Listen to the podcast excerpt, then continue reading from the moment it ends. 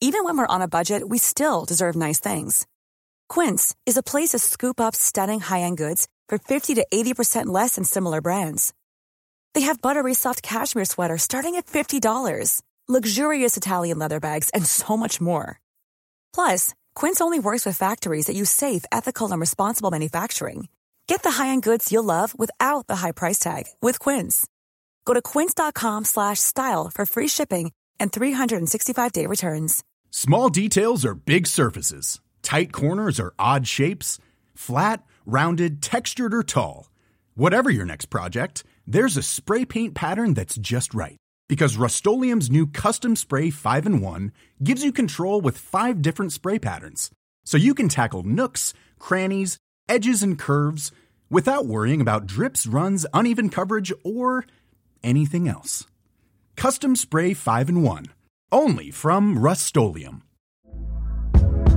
Hey there, it's Michelle Norris. I'm host of a podcast called Your Mama's Kitchen. When I travel, I'm usually looking for a way to find a taste of home when I'm not at home. And one of the things I love to do when I am at home is entertain. And Airbnb allows me to do that. When I was in California recently, I rented a house that had a great kitchen. And when we were sitting around the table, we were all thinking, we're in someone else's house. Someone could be in all of our homes as well.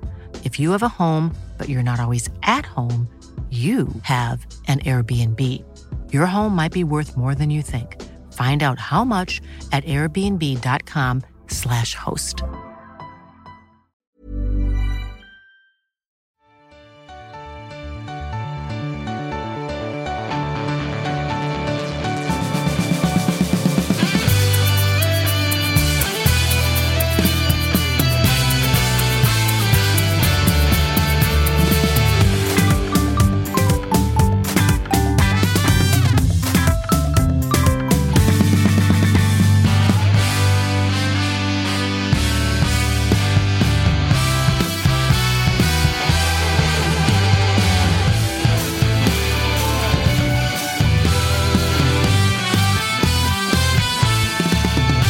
Avsnitt 249 av Toto-svenskan är här. Det är måndag. Vi är mitt inne i 19 omgången, 18 omgången, 19 omgången. 19 va? 19 omgången Ja. är det såklart som vi är eh, inne i. Det är två matcher kvar, men det har spelats en ruskig allsvensk fotboll den här helgen. I alla fall på sina håll. Kalle Nilsson, Mhm. du är tillbaka också. Ja, men eh, bitvis i alla fall. Så. Ja, alltså du Ja. är fysiskt tillbaka. Mentalt så Mm. är du aldrig riktigt närvarande. Men, Nej. men hur var helgen i Köpenhamn? Alltså, jag minns inte så jävla mycket, Nej, jag men var det det. rätt kul faktiskt. Ja. Eh, hur är chatten? På tå? Eh, ja, men det är mycket avgångsrop faktiskt. Ja, jag vet inte vad vi har gjort egentligen, men det är väl i största allmänhet. Bara. Ja, det är så som det brukar låta, helt Mm, enkelt. Eh, jag har ett viktigt meddelande innan vi drar igång dagens program. Det är ju att vår kära sponsor Simor eh, fortfarande är med oss, men numera går under annat namn, nämligen TV4 Play. Det är exakt samma innehåll som gäller, men det är TV4 Play numera. Så att, eh, inte så stora konstigheter egentligen, utan man kan fortfarande se La Liga, Serie A, Champions League, ni vet allt det där. Man kan se Allsvenskan och Superettan från Discovery, men med sitt TV4 Play-abonnemang. Så att, fortsätt vara med på den resan som är där borta på numera då, TV4 Play. Vi eh, välkomnar tillbaka till studion Jonte. Du mår skit. Ja. Ja, eh, som mig ungefär. Ja. Men kanske värre. F- eh, ja. Alltså formmässigt är ni ju eh, näst sämst i serien Ja. efter uppehållet. Ja. Ja, nej, nej, det är, det är inte bra. Nattsvart. Ja, det är nattsvart. Det är så jävla nattsvart. Ja, fan fint att ha dig här Eh, och så att det inte bara är hos mig det är liksom mörka moln på himlen. Mm. Ja, men det, det, det, det är riktigt, riktigt tungt idag faktiskt. Eh, vad 3-0. bra, då ska vi grotta Mm. ner oss eh, väldigt mycket i den Mm. matchen och kanske inte prata så mycket om lördagsmatchen. Den är ju väldigt Ska du och gammal nu jag kanske bara ha en terapisession i Ja, men det en finns, och nog, det finns nog ett par fler som kanske vill blanda sig i den terapisessionen. Kanske Ja. Marcus Wihlberg, Mm. för där tog väl säsongen slut för Djurgården. Ja, det är svårt att se någonting annat. Så, att, eh, Så du mår också skit? Ja, det blir, det blir väl en fjärde plats och inget mer då. Eh, eller så springer väl några jävla lag om då. Peking kommer väl här. Så att, nej, allt är ju över nu. Hur eh, mörkt var det nere på eh, Gamla Ullevi? Ja, men det var, allt var ju kanon innan, så att det var upplagt för att bara åka ner och, och vinna och plocka en jävla massa poäng och göra lite mål. Men eh, nej, otroligt mörkt. Väldigt utspelade också. Vi gör ju en otroligt dålig insats också. Blåvitt är ju skapliga eh, och har ju otroligt många chanser, men eh, det, var, det var inget man kände igen riktigt och hade på känn. Vi ska komma mer till den matchen, för vi ska ju ringa Glimberg. Eh, vi ska också ringa lite senare i programmet Lajoni, eh, Häcken-nyförvärvet som jag fått en jävla flygande start på sin sejour. Jävla stökig karriär annars på Amor Lajoni. Det ska vi också kolla lite om vad fan det handlar om. Men, men, fan, kan vi inte ringa eh, Möller och, och, och Martinsson istället? Jag behöver, jag behöver perspektiv i min Såg misär. ni alltså Helsingborg Ja. som alltså i bottenmötet med Örgryte på hemmaplan, alltså åker på vändningen i 93 eller vad det är. Ja. Och så nu då mot Västerås. 2-0 Leder igen. 2-0 i paus. Klart att de vill hitta ett sätt att torska även den matchen. Ska vi inte ringa? Och det är väl vi- glädjen vi har att ta med det, oss är från egentligen, helgen. det är egentligen det vi tar med oss från den här helgen. Ja. Ja. För i övrigt så, så var det mörkt. Och eh, jag trodde vi skulle ha med oss eh, Walter Bergman. Han kanske är lite sen, han kanske rullar in. Det var ju någonstans det man tänkte då att så här, han får stå för glädjen i studion. Men nu blir det ju bara mörkt, förutom Kalle Nilsson som, som sitter och myser borta i sitt hörn. Då Blåvitt... Är ni tillbaka eller? På änglarna... Na, na, na, na. Ah, jag bara inte läste det högt. Nej, men det, nej, vad fan, Inte riktigt än va? Det är klart vi inte, men det var jävligt fint. Och att det var diffen också. Nej, det, ja. Mm. Ah, Okej, du får väl stå för solskenet i den här studion. Men, men mörkret står ju mitt AIK för. Eh, Kalmar och sen Djurgården. Då. Kanske i den ordningen får vi ändå säga med Ja, tanke det på hur, säga. hur tabellen ser ut. Men vi kan väl börja med eh, studenternas och eh, Sirius borta. Kalmar som eh, vars form vi har diskuterat Mm. och här blev det väl liksom en ny eh, nivå av Ja. mörker. Ja, det blev det. Alltså, jag kollar lite matcherna efter uppehållet. Vi har alltså spelat, inklusive Europaspel, då, så har vi spelat nio matcher, vunnit en, kryssat två och eh, gjort sex mål och släppt in 18. Så det är ju Vad fan har hänt med, vad har hänt med Friedrich? Det måste man ändå fråga sig nu. Nej, men alltså, jag, det ju, jag skulle inte säga att så mycket som har, hänt. Visst, han har stått för några liksom, tavlor, men jag tycker inte att han är den som ska lastas för målen. Okej. Kanske det eh, som vi släpper in mot er. Ehm, men det är ju... Nej, inte kanske. Den ska han fan ta. Ja, ja, ja, ja absolut. absolut. Den, den, den ska han ta. Men han, han spelar ju alltså, 3-1 med sig själv sen för att han är, gör ju bara riktigt ruskiga räddningar sen. Men visst, visst, det är ju inte bra de, de, när misstagen kommer. Men, eh, men eh, jag tycker framförallt liksom att försvaret, eh, det vi släpper till alldeles för mycket vassa lägen. Um, och Det är väl en effekt av att vi spelar lite mer risktagande i år och vi kanske inte har den speeden i backlinjen som behöver få täcka upp när vi tappar boll. Sen, ja, jag vet fan inte riktigt alltså, var jag ska börja. Ehm, men eh, det, det ser inte bra ut. Ser du att det är liksom fel på startelvan? Alltså hur mycket kan man lägga på Jensen? Att formen ser ut som den, eh, som den gör med liksom, ni är ju ni är ju trots allt, hur man än vrider och vänder på det med elvor och individuella prestationer och vad det än är. Från att vi började spela fotboll igen, så är det bara Varberg som är sämre än Kalmar. Nej, BP. Väl? Ja, BP nu. Mm. Varberg är bättre, Vadå? BP's... Ja, Varberg är bättre. Förlåt. Ja. BP är sämre. Men Mm. i och med BP's trea så är det ju fan dött race om vilka som är sämst nästan. Ja. Ja, men, eh, vi har en katastrofal form och, och är kanske formsvagast. Alltså vi, ja, jag, jag, vet inte vem man ska lasta egentligen. Eh, Jag kan ju tycka att eh, en injektion, nu kommer ju Melke Hallberg in i andra halvlek, men jag hade gärna sett någon mer värvning innan fönstret stänger. Vad vill du finns- se då?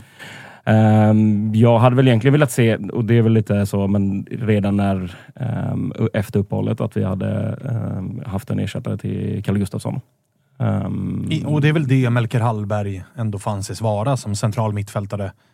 Eller? Ja, där finns ja, ju redan det- ja, Gojani, ja, där finns, absolut, eh, alltså, absolut. det finns ju täckning.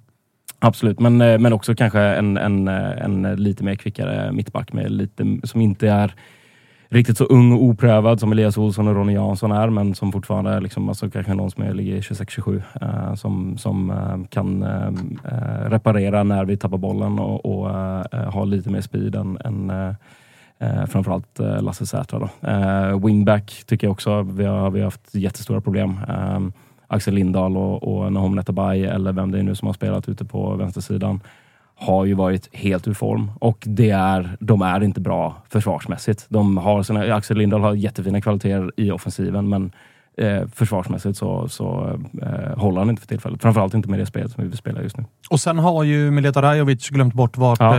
eh, målet står. Där pratar vi nästan symbolen för formdippen. För Ja. att så bra som han var och många av de här matcherna klev han fram och avgjorde under våren, innan uppehållet. Sen dess, alltså sen vi började spela igen, så, så det går ju inte att känna igen. Nej, Kanske att eh, verkligheten kommit ikapp lite? Ja, och att kanske folk eller liksom lag planerar lite mer för att alltså, han får lite mer bevakning än uh, vad han fick under våren.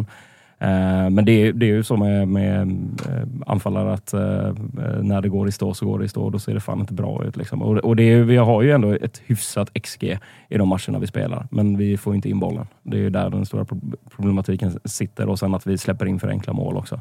Så, så det är väl liksom Ja, gör mer mål, släpp in mindre mål och det är väl, eh, det är väl liksom Är den enkla, enkla grejen. Sen hur man ska göra det, ja, det vet jag inte just nu, men igår så var det ju liksom, alltså de första 20 minuterna, alltså vi släpper till så mycket lägen, eh, att det inte blir mer än 3-0 eh, resterande del av matchen är, ska vi vara glada för. Ja, det är ju 3-0 i paus ska jag säga så här. Alltså det, Efter 19 minuter. ja, liksom. 19 minuter är det 3-0 och där är det ju tack och godnatt. Matchen är slut. Ja, det Det- är helt, Ja, det borde ju typ starta i vår match också, men det, det spikade om- ju bara igen bara. Men det är otroligt ändå. Mm. Nej, det var... Alltså, och, det är just det, Mileta han har ju ett jätteläge att göra 1-0. Eh, i, jag kommer inte ihåg vilken matchminut det är, men det är tidigt i alla fall.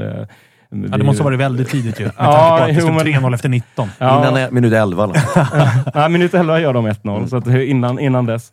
Första 10 har Mileta ett jätteläge. Ja, precis. För att då får vi lite bättre en press och han får väl ett, i stort sett ett friläge. Men uh, Sirius målvakt kommer ut att göra en bra räddning. Eh, sen har vi också tur på när, när eh, Sirius gör 1-0 för Axel Lindahl vispar ut bollen eh, med handen från mållinjen. Om den bollen inte är över eller om Kristoffer Karlsson bedömer Ja, att är den inte ju rött. straff och utvisning. Ja. Och sen så... Där ska Lindahl vara glad. Han ser nästan ut att ångra sig. Ja, Alltså han kommer ju på sig själv med att Ja. vänta, låt bara bollen gå in. Ja, ja, ja. För att annars är det straff och jag Ja, är utvisad och är borta. Så. Nära ett rejält hjärnsläpp från Axel Lindahl. Eh, men du, på tal om rejäla hjärnsläpp. Eh, det vart ju lite, lite kurrigt efter Mm. slutvissla när eh, Kalmar spelare... Och, så- och så här, det låg ju ett litet kurr i luften mellan aktiva supportrar från Kalmar FF och laget med tanke på det som hände mot AIK, där framförallt Skrabb blev... Eh, han tog väl fanan med tanke på att han tog Discovery-intervjun och Mm. liksom pekade lite grann på att det var dum timing från supportrar och eh, hit och dit.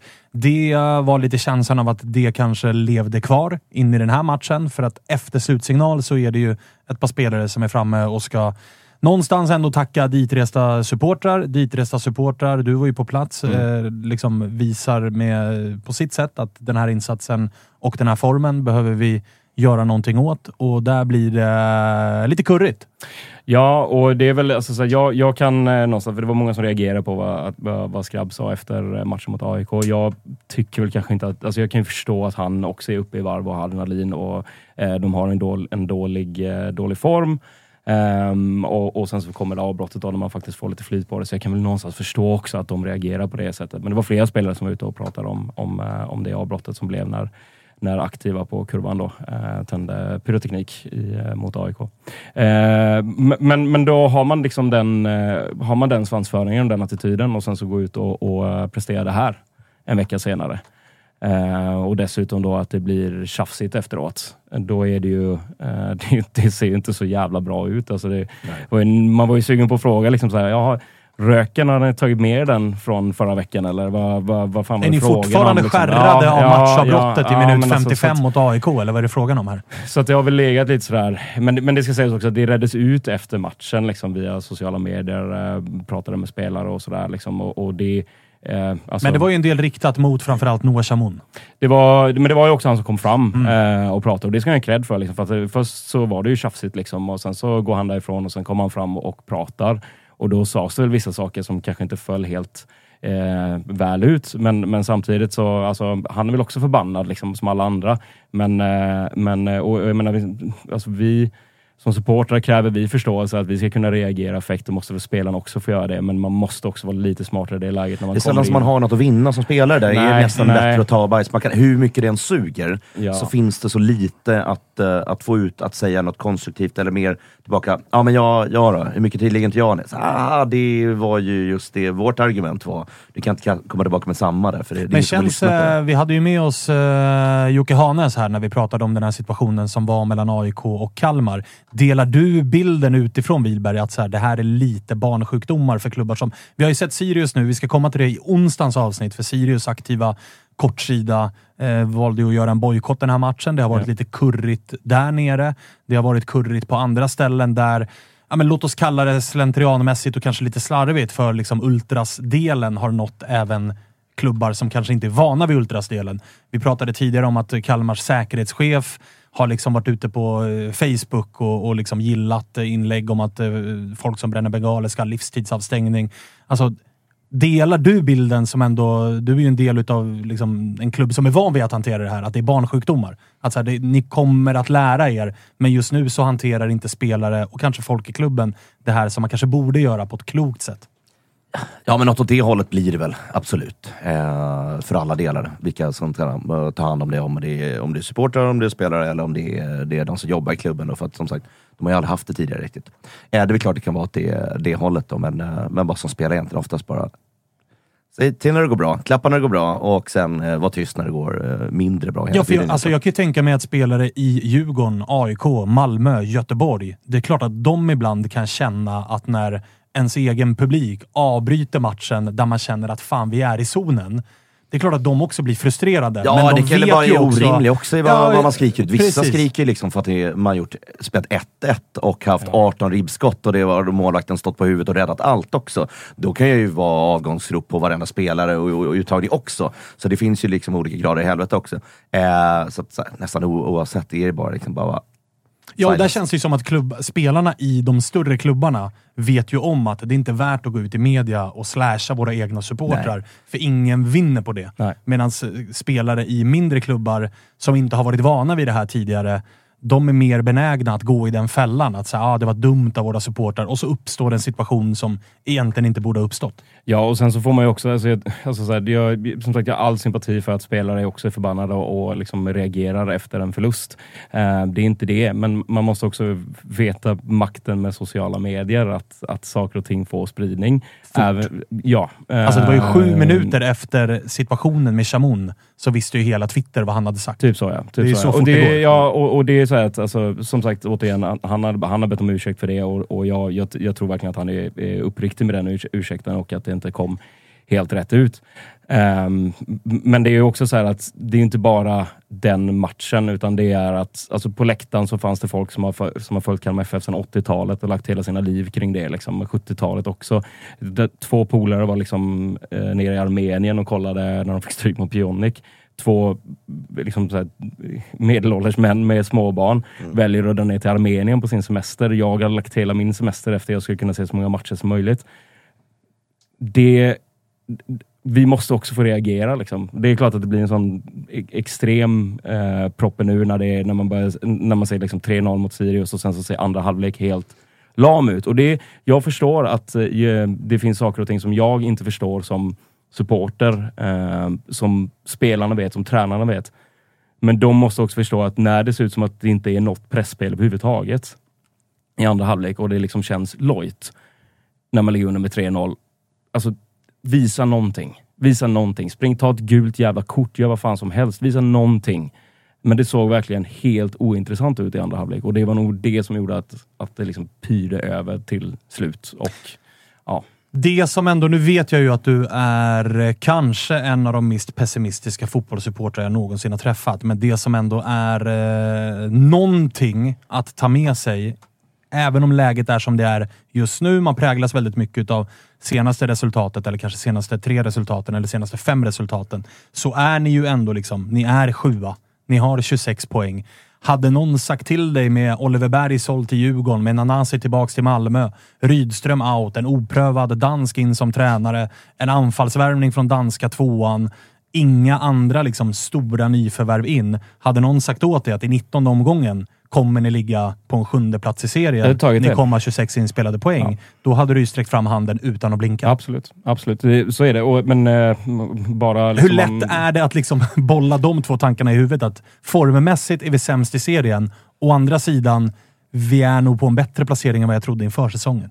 Ja, visst, absolut. Och, och det, så, så är det ju. Eh, samtidigt så finns det en orosmoln som jag tycker eh, man kanske har blundat lite för. Alltså, om man tittar på de spelarna som, alltså vår snittålder i startelvan är ganska hög. Eh, de spelarna som har stått på tillväxt, de kanske inte riktigt eh, är där de behöver vara för att komma in och spela. Eh, och vi står inför ett ganska stor, stor generationsväxling plus att vi har många nyckelspelare som har, som har utgående kontrakt. Så, alltså, så här, jag tror någonstans ändå att vi kommer lösa ett nytt kontrakt. Det tror jag. Nej, det, Eh, det kommer Ja, det, det, det kan vi spika. Ja, det kan, det kan jag slänga fram handen på. det, det är klart. Ja. Jag vet inte om du har tittat så mycket på hur till exempel AIK ser ut. Så Jo, behöver du inte vara fan, jätteorolig. Alltså, det är AIK ändå AIK. När jag Nej, jo, ja, jo. jo. jo, Mm. men... ja, mm. O- Ta- Slå lite pessimist, Slå ett getöga på Varberg och AIK när de spelar fotboll, så behöver du inte vara jätteorolig för det där kontraktet. Ja, men, eh, visserligen, men samtidigt så det går jävligt fort. Nu har vi Hammarby hemma. ehm, Som ni och- alltid slår. Nej, inte alltid. Vi slog dem förra året. Kryss brukar vara ganska Ah, gångbart. okej. Ja. ja. Poäng. Ehm, poäng ja. Mm. Sen så har vi då BP borta och Mjällby hemma. De två matcherna jag som nycklar för hur våran höst kommer se ut. För torskar vi dem, då är vi, börjar vi bli inblandade i, i en bottenstrid beroende på hur de andra resultaten går naturligtvis. Men sen, så, för sen har vi ganska tufft spelschema. Jag tror vi har Norrköping, Häcken, Elfsborg och Malmö de fyra kommande efter det. Så att, alltså går vi in Ni behöver samla på er ett litet saldo inom ja, de fyra. Ja, och då kan man också säga, då, då, då sprids ett lugn, eh, för då vet man med supportrar, truppen vet att eh, nytt kontrakt är fixat eh, i stort sett. Och då kan man också kanske börja spela in eh, lite yngre spelare, för man har ju pratat om att det är ett par U19-spelare som har tagit kliv och eventuellt börjar närma sig A-laget. Vore kul att se dem under hösten. Ehm, och att inte behöva känna stressen för att eh, varje poäng är livsviktig eh, när vi går in i eh, de ja, kanske sista femtedelen av serien. Mm. Ehm, men eh, ja, jag, jag förväntar mig ingenting på i, i helgen. Och, och, ja, BP borta, det, det verkar ju vara gångbart att vända trenden mot oss. Först Göteborg, sen Sirius och sen eh, ja, möter vi BP. Mm, ja, BP eh, fick ju ett litet trendbrott här i helgen. Tog ja, poäng, jag, ty, jag tyckte de, alltså första 20 minuterna tycker jag BP är svinbra i den matchen. Så att, Ja, ehm, alltså ifall vi... eh, Du såg den matchen. Såg du matchen eh, Nej. AIK-BP? Nej, det, det är ingenting du behöver se om, kan jag berätta för Det dig. men men eh, jag tänkte att vi skulle snacka lite mer om... Jag tänkte jag skulle försöka ducka och prata AIK-BP genom att bjuda in Walter också, så vi kunde snacka elfsborg bayern Nu eh, verkar det ha blivit någon form av missförstånd, då, så då får vi väl på volley kanske höfta in lite snack om AIK-BP. Och eh, jag vet inte vad du säger som ser matchen med lite mer objektiva ögon, men som aik så är jag på riktigt genuint, genuint orolig över nytt kontrakt på ett sätt som jag inte var för tre omgångar sedan. Nej. Då jag tycker att så här, jämfört med våra bottenkonkurrenter, Sirius till exempel, IFK Göteborg till exempel, Mm. Så tycker jag att AIK nästan blir sämre och sämre för varje omgång som, som var spelas. nyhetens behag med Tykosen in och de där två strutarna. Allt kändes frid och fröjd lite någonstans. Ja, och att så här, det, det, som har, det som blev, alltså BP, vi började ju om eh, uppehållet med BP, stabil 2-0-seger. Liksom. En klassisk AIK-seger. Gör två tidiga mål, slå vakt om poängen, parkera hem det och så går vi därifrån. Sen har vi ju en tuff period med, med Berg får ju en tuff start med, hans första match är väl Häcken.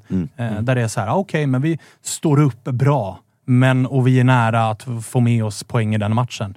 Mm, Vi möter de regerande mästarna. Fair enough, liksom. vi torskar den matchen fair and square, men vi hade kunnat få med oss en poäng. Sen har vi Varberg. De slår vi komfortabelt borta. Vi har Malmö hemma. En, liksom, ett stabilt kryss.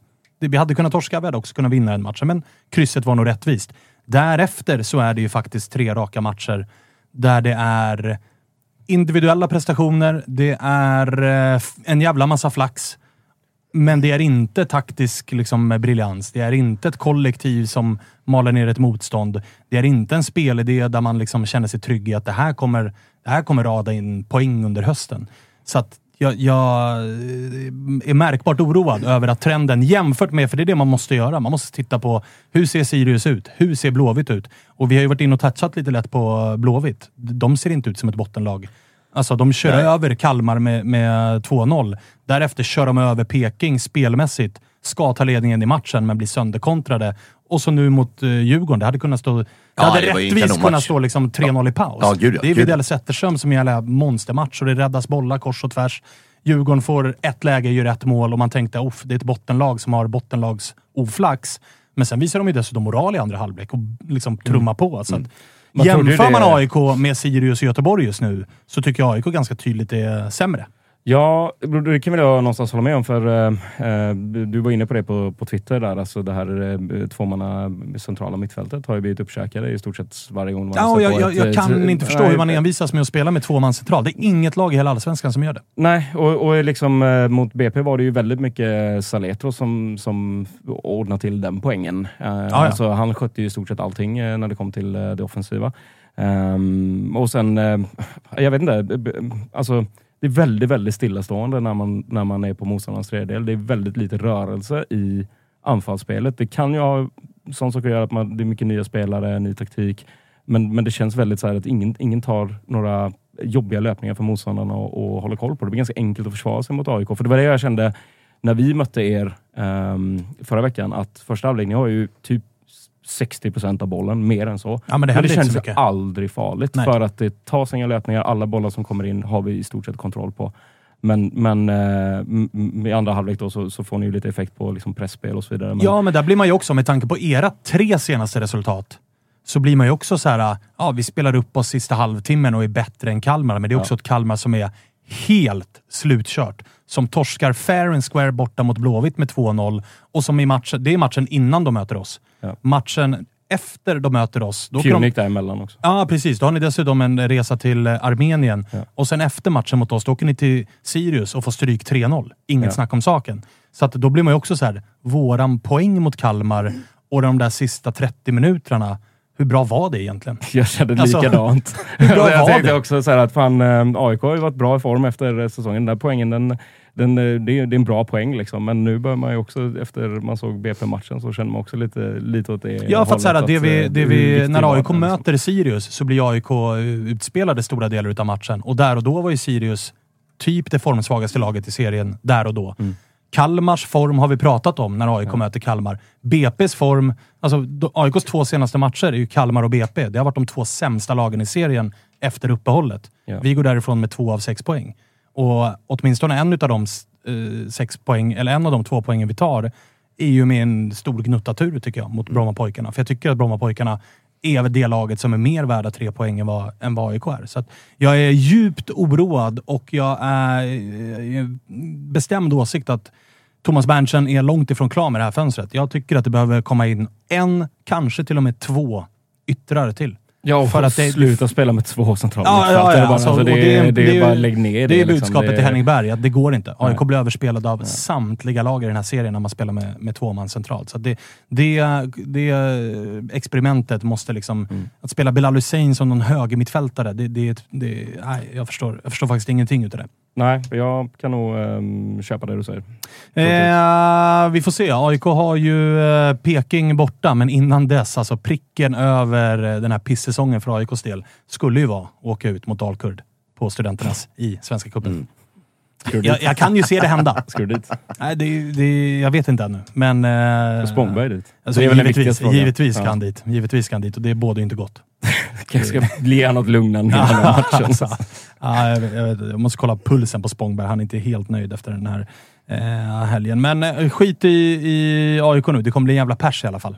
Den här hösten. Man Det trodde att man hade bli. värvat sig ur krisen, men det är uppenbarligen eh, inte.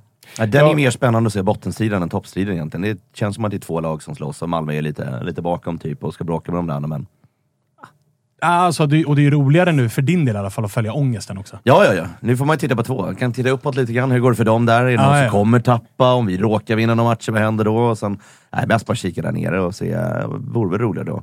Det var ju positiva med att eh, förlora mot Blåvitt då. Det var ju att man knapra in på, på AIK i sådana fall. Det var ju det enda man kunde ta som var en gnutta. Sen var ju resten piss bara. Inte ens då kunde ni göra någon nytta. Alltså. Nej. Fy fan alltså. Usch. Eh, men till eh, Gamla Ullevi då. Det var fint tills eh, domaren blåste igång var du inne på. Men, men eh, om vi liksom eh, går till elefanten i rummet direkt. Det, det pekas ju fingrar kors och tvärs nu från Djurgårdsled. Det är Bosses värvningar som faller, eh, har varit svaga den här säsongen. Kim och Tolle får en hel del kritik, framförallt kanske för eh, att man har ändrat om i det mittbackslås som fungerade väldigt bra under våren. I eh, liksom, vilken ände börjar du i det som är blame game Djurgården? Ja men det är ganska många som varit dåliga. Eh, så att det är, eh, alla pekar väl rätt och fel på samma gång egentligen.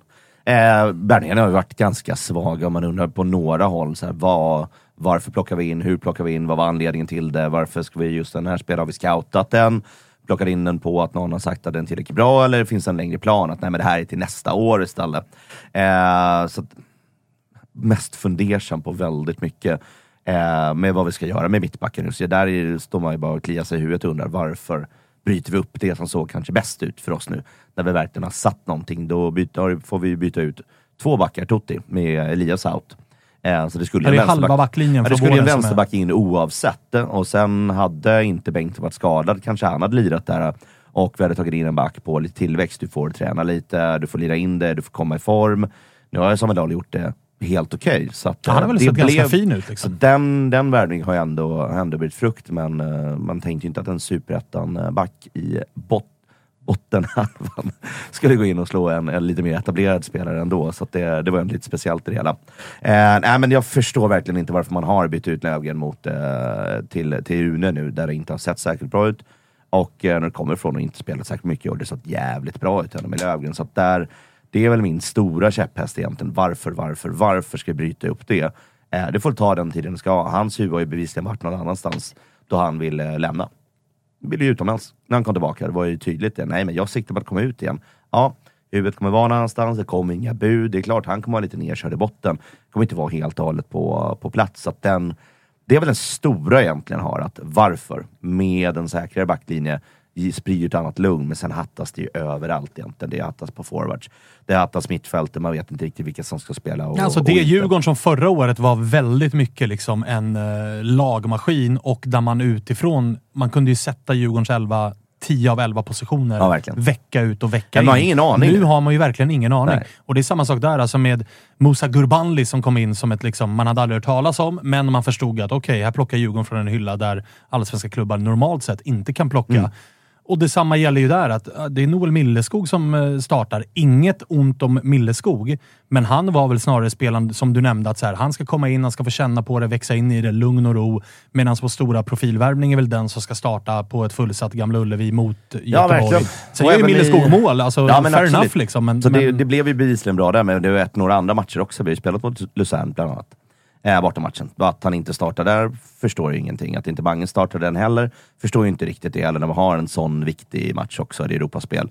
Med all den rutinen som finns. Så, så även där har det hänt väldigt mycket konstiga grejer. Nej, jag förstår inte. Det, det, vid varje uttagning så blir det ju bara ett, eh, ett, ett giss, en gissningslek egentligen för att hitta in. Men eh, jag tänker om, om nu för säsongen är ju, alltså ni har ju varken bu eller bä Ja, det är ju det är mellanmjölk. Ja, det men var precis. Men då kanske man har möjligheten att liksom de yngre spelarna att faktiskt spela in dem så man har, eh, ge dem lite den, den rutinen där det inte är så, ligger så mycket press eh, i, eh, i matcherna. De gäller inte så mycket i matcherna.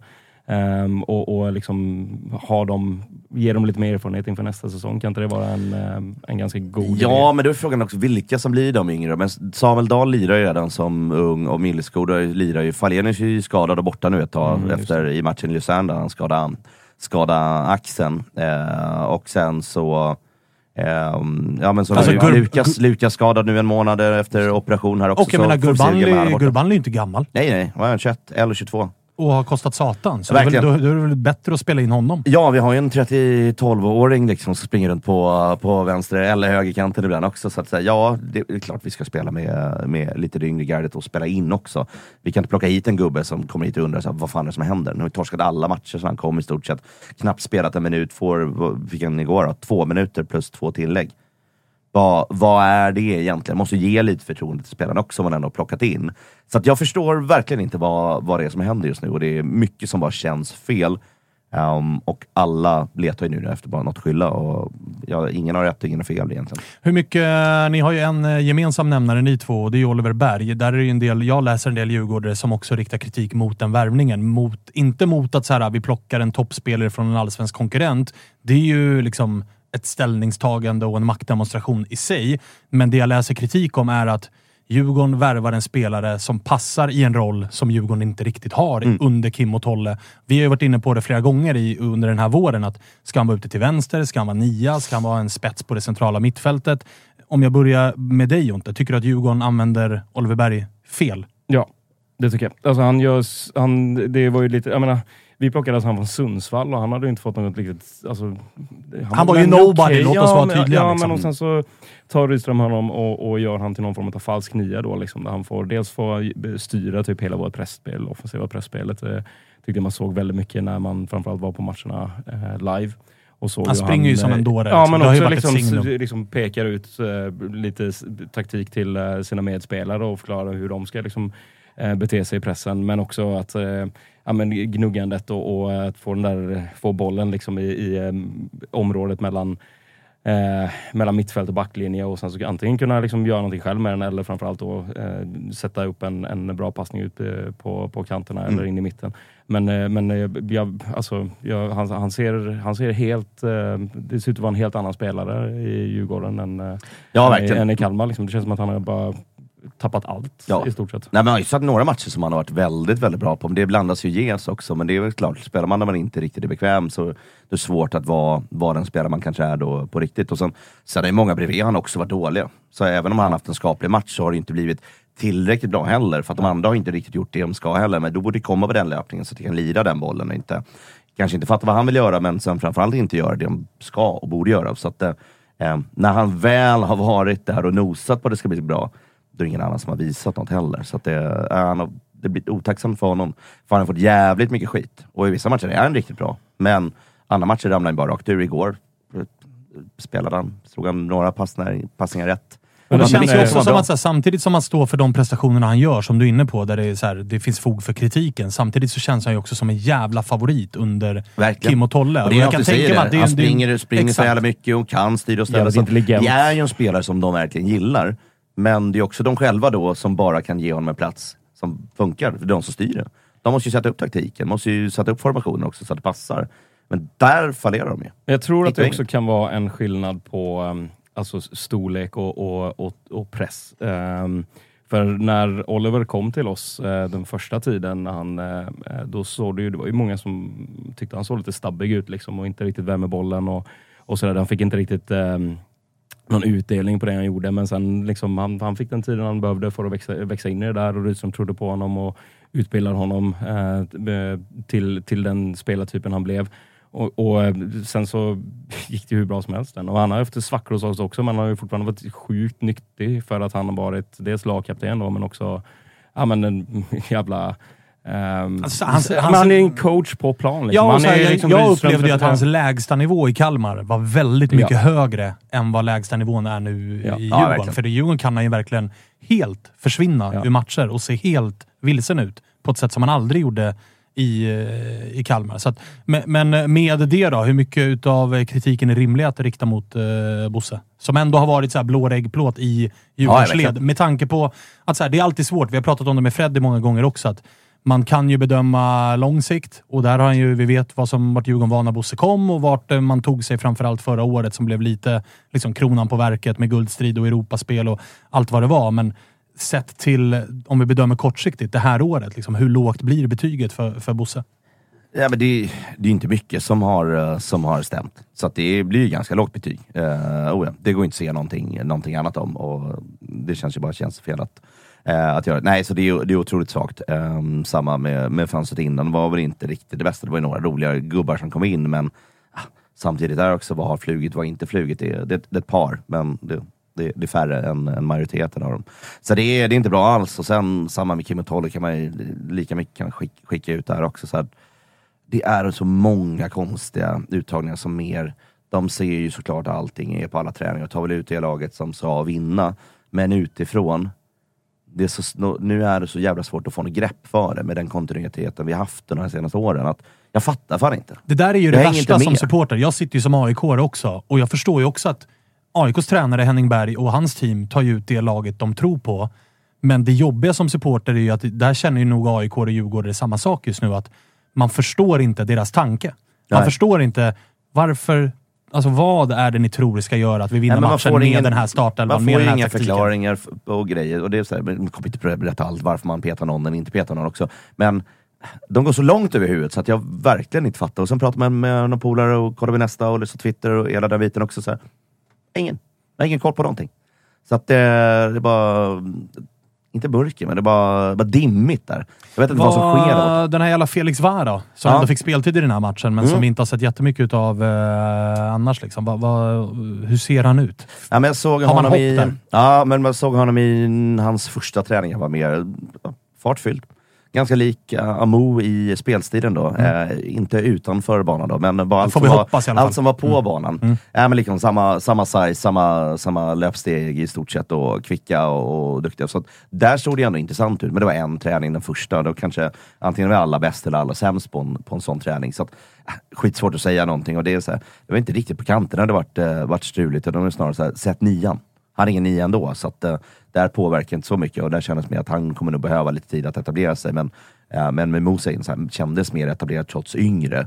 Ändå en, en riktig spelare, så låt han, låt han lira. För det kändes ju, alltså när han blev klar och kort därefter Gurbanli, Mm. då kändes det ju verkligen som att okej, nu ska Djurgården värva sig in Ja. i den guldstriden där man kanske står kvar lite Och på... eh, värva sig in i en Europabredd Ja, precis, som på ett sätt redan fanns, men nu har vi, till nu det har vi inget kvar. Så det är snarare så här, vad kan vi dumpa? Ja. Det är bara att in Vad, där, vad händer där? Där vad kom det ju rykten i morse om att Mange Eriksson har uh, utländskt intresse från uh, Cypern. Är det Janssons gäng? Ja, det, alltså, man, det, man blir inte kan man gissa förvånad. att det kan vara Janssons gäng? Man blir inte förvånad om det är Janssons Nej, gäng. det blir men men eh, vad tänker du kring eh, den situationen som ändå enligt media finns? Ja, nej, men det är väl klart att det är en, en situation. Nu märker vi lagkaptenen spelar inte, eh, vilket är, ja, ja, det är verkligen vad det är det. Men eh, några viktiga matcher liksom, där han borde ha spelat verkligen så här, nu ska han in. Nu måste vi verkligen använda det som finns. Eh, vill han gå? Och eh, vi behöver ju ändå bli av med spelare, så jag får försöka få en sån, sån fin och bra exit för alla som möjligt för att det ska bli, eh, ja, men, få någonting mer till framtiden. Men, men någon, någon måste ju försvinna lite här och var nu från lite olika platser.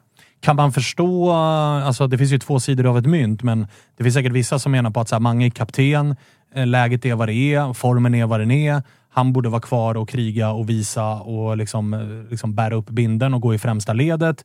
Och det finns säkert andra som är andra sidan av myntet säger att så här, okay, nu när säsongen inte blev vad vi hoppades och när du kanske är precis utanför startelvan, då så fort du hamnade på, liksom, i den situationen, då väljer du att dra. Att det är svagt. Liksom. Ja. Vad, vad, tänker du Nej, men där, I just det ledet skulle jag inte hamna i, i sistnämnda, just att det kändes svagt att dra. Utan så här, är det det som är bäst för klubben också? För tränarna har ju någon sorts vision såklart för nästa år och vad som ska komma året efter också.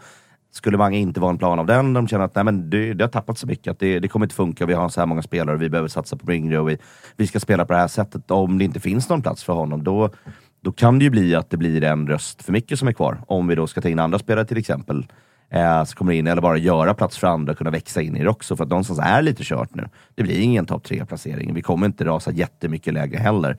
Ehm, så att vi står någonstans och stampar bara. Så att någon sorts... Vi behöver ny luft på något vänster. Antingen det är bara att pysa ut lite som finns, eller, eller plocka in något annat. Men någon måste ju bort. Vi måste ju börja, börja lätta på truppen. Det är för många spelare. Alla kan inte sitta på bänken. Många kommer vara sura då bara. Tror du att, eh, alltså nu förlängde de väl kontraktet inför säsongen, Kim och Tolle. Mm. Tror du att om det här fortsätter och det blir liksom ett Djurgården som landar in på en sjunde plats när säsongen är 30 omgångar spelad, tror du att det kommer bli tal om ett, en förändring på tränarposten? Utifrån kommer det absolut talas om det. Eh, oh ja, verkligen. Eh, och det är ju ett, sundhetstecken också om man känner att man står stampat. Det har ju varit jättebra tidigare. Vi har kommit väldigt, väldigt högt upp. Det är bara bra placering egentligen sen, sen de dök, eh, dök upp. Och, och eh, ja, men, kan inte vara för alltid. Det funkar inte. Men om det är åtta år eller om det är fyra år som är optimala, ja, men det, det är väl olika vilken, vilken stol man sitter i. Eh, men gör en ordentlig utvärdering, både vad som finns inte, hur benägna de är på att kanske ändra sig, eller vilken plan de kan lägga upp också. Att nästa år, då tänker vi spela det här, vi vet att vi har de här spelarna, och behöver vi värva så här mycket och så, se och så bygga. De får ju komma med ett case i sådana fall också och visa vad, vad kan vi göra annorlunda. Vill de göra, göra samma med samma trupp också, men då ser vi ju neråtgående trend i alla fall. Inte sparka efter cupgruppspelet. Nej. Låta vara Nej. kvar, Nej. värva spelare och sparka. Har vi, vi- se, vi, eh, vi är ju en tuff, en tuff period också. Så det blir fem bortamatcher på raken nu tills vi har Degerfors den eh, 27 augusti. Däremellan har det varit fem raka bortamatcher. Så Mm. Det påverkar inte alltid spelet. Då, men det, det kan vara jobbigt för spelarna att resa och sånt. Men man kan fortfarande ta ut en taktik som ska vara bra. Ett lag som ska funka. Men eh, det, det är ju en, en riktigt klurig period vi är inne i också, där det bara är runt, runt, runt, runt. Ja, runt, och den runt. blir ju extra frustrerande, för där upplever jag att vissa lag, alltså Kalmar har ju gått i bräschen lite grann, tycker jag, enligt mig, att ha en tränare som, det var väl, jag vet inte om det var Rydström som implementerade det, men på Kalmar FFs egen eh, liksom, eh, tv-kanal, eller mediekanal, så var ju Rydström, satt ju efter varje match och hade liksom 30 minuter nästan, 45 minuter ibland, där han förklarade att så här, så här tänkte vi med laguttagningen, så här tänkte vi i spelet, i just den här matchen tänkte vi ditten och datten och si och så. Ja.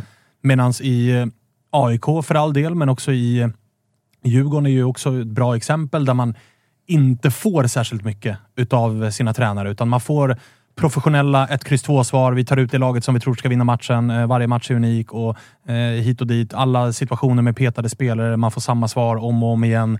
Och när det går dåligt, då blir ju det nästan liksom, det blir ett självskadebeteende ifrån tränarna att man får inte med sig supportrarna. Alltså förståelsen blir ännu mindre när man inte får förklaringar i efterhand. Och där försvarade ju sig, jag hade ju Henning Berg i Testa Stör där han var så här, jag vet inte riktigt hur mycket jag vill säga för det, finns inte, det är inte bara AIK-supportrar som lyssnar. Enligt mig så signalerar man ju då en liten osäkerhet att så här, men vad då? Vi är, alltså de har ju scouter. De ser Ja. väl hur vi vill spela. Alltså vad du säger i en podd tror inte jag kommer göra. Nej, det är, Så att- mer, det, här, det är liksom mer personer emellan egentligen. Så Ja. Lyssnar jag på en podd så säger ja, men han pratade med mig. Ja, men precis. Och dessutom så tror inte jag att, eh, liksom, att Glenn Riddersholm kommer sitta och lyssna på Testa Stör för att liksom, få till sig de taktiska genidragen. Utan jag tror han vet ungefär vad Henning Berg vill spela för fotboll. Jag tror att det hade varit nyttigare. Jag tror Henning Berg hade vunnit mer på att på ett tydligare sätt försöka förklara för AIK-publiken att så här tänker jag.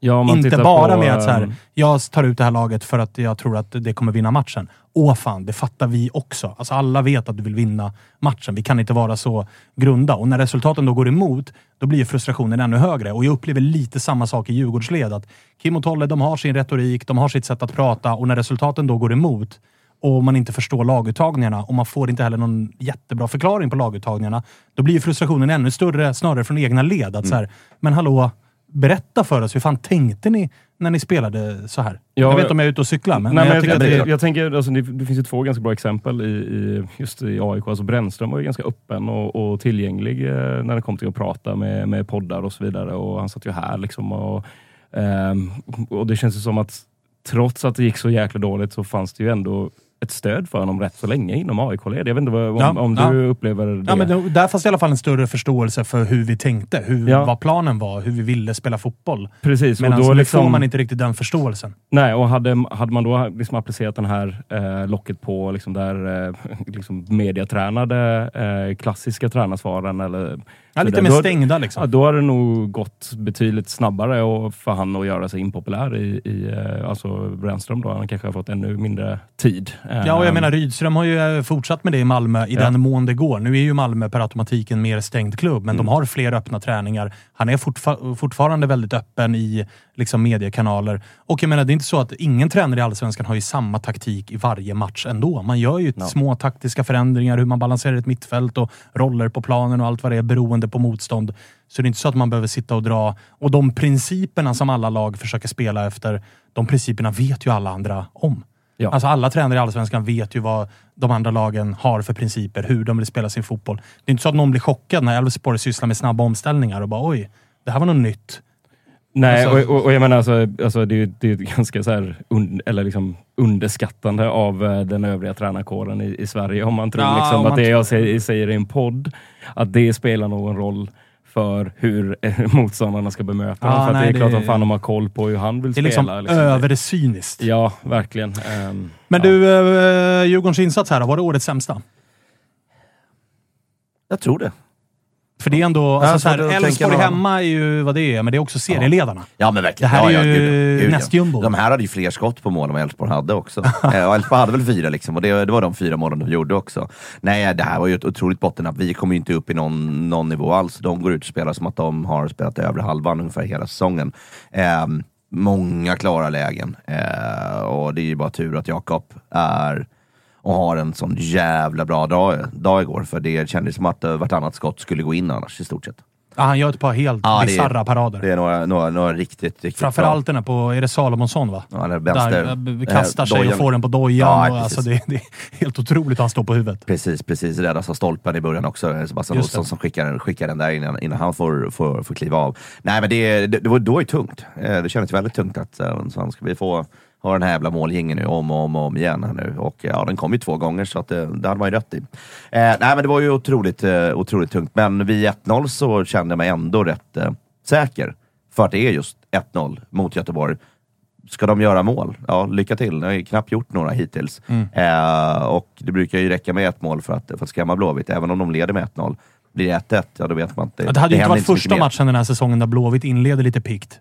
Exakt. Får 1-0 i baken Precis, och så det var, den, den bilden var jättenöjd. Det var precis det. Gå, gå på knock i stort sett i, i början bara. Sätt den direkt så då kan vi spela av den här matchen och göra något mål till och, och bara känna att det var en ganska trevlig tillställning att ta sig ner där. När det kan vara den sista gången man är på Gamla Ullevi.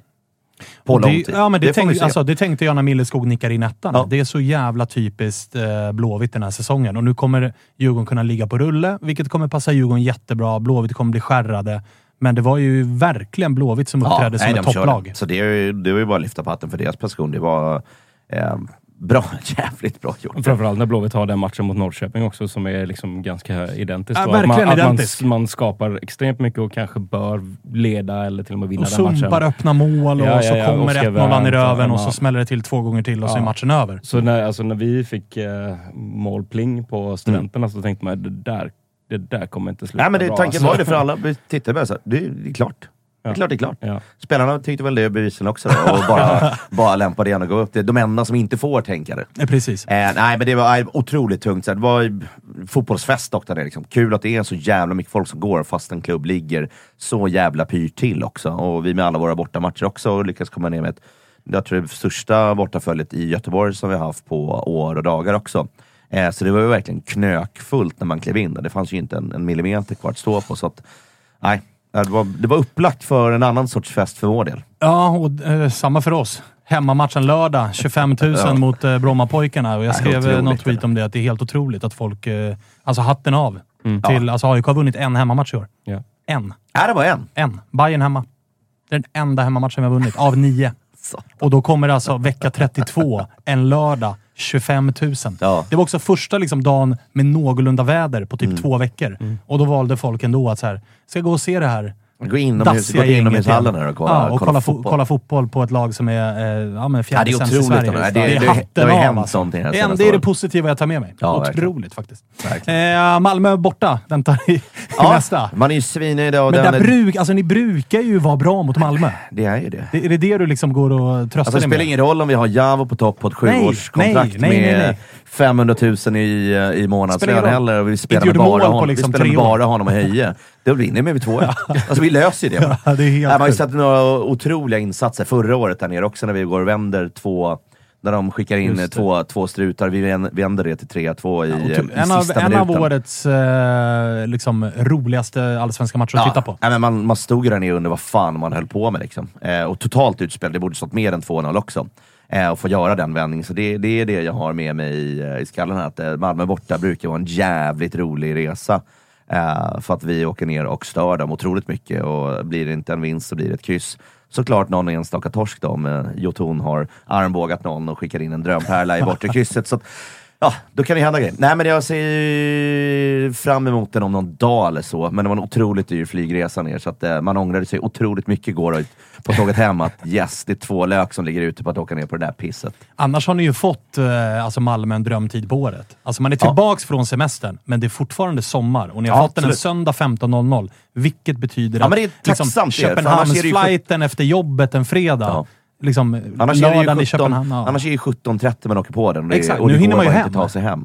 Nej men precis. Nej, men så det, Det kommer bli mycket samma, folk. Och samma, samma igår också. 15.00 borta mot Göteborg och det var kanonväder ner, så det var också optimalt. Du kan till och med åka en bortabuss och du kommer upp till någorlunda tid till jobbet också. Det, det funkar. Mm, bra. Ja. Bra ber- beröm till eh, beröm ja men faktiskt, för en gångs skull Ja, så verkligen. har vi fått, eh, Ja, fått lite Kan vi skicka en passning till eh, att det bara var en lördagsmatch? Ja, alltså det, det, Det är däremot är faktiskt hädiskt av... Jag borde haft en 20.00 också. Ja, Ja. den. Fler sådana. Fler. Det var ju målkalas såg vi Ja, men det ska ju vara, alltså, det ska ju vara Stockholmsderbyn. Ja, det ska ju alltså, vara 20.00 20.00 en, en måndag.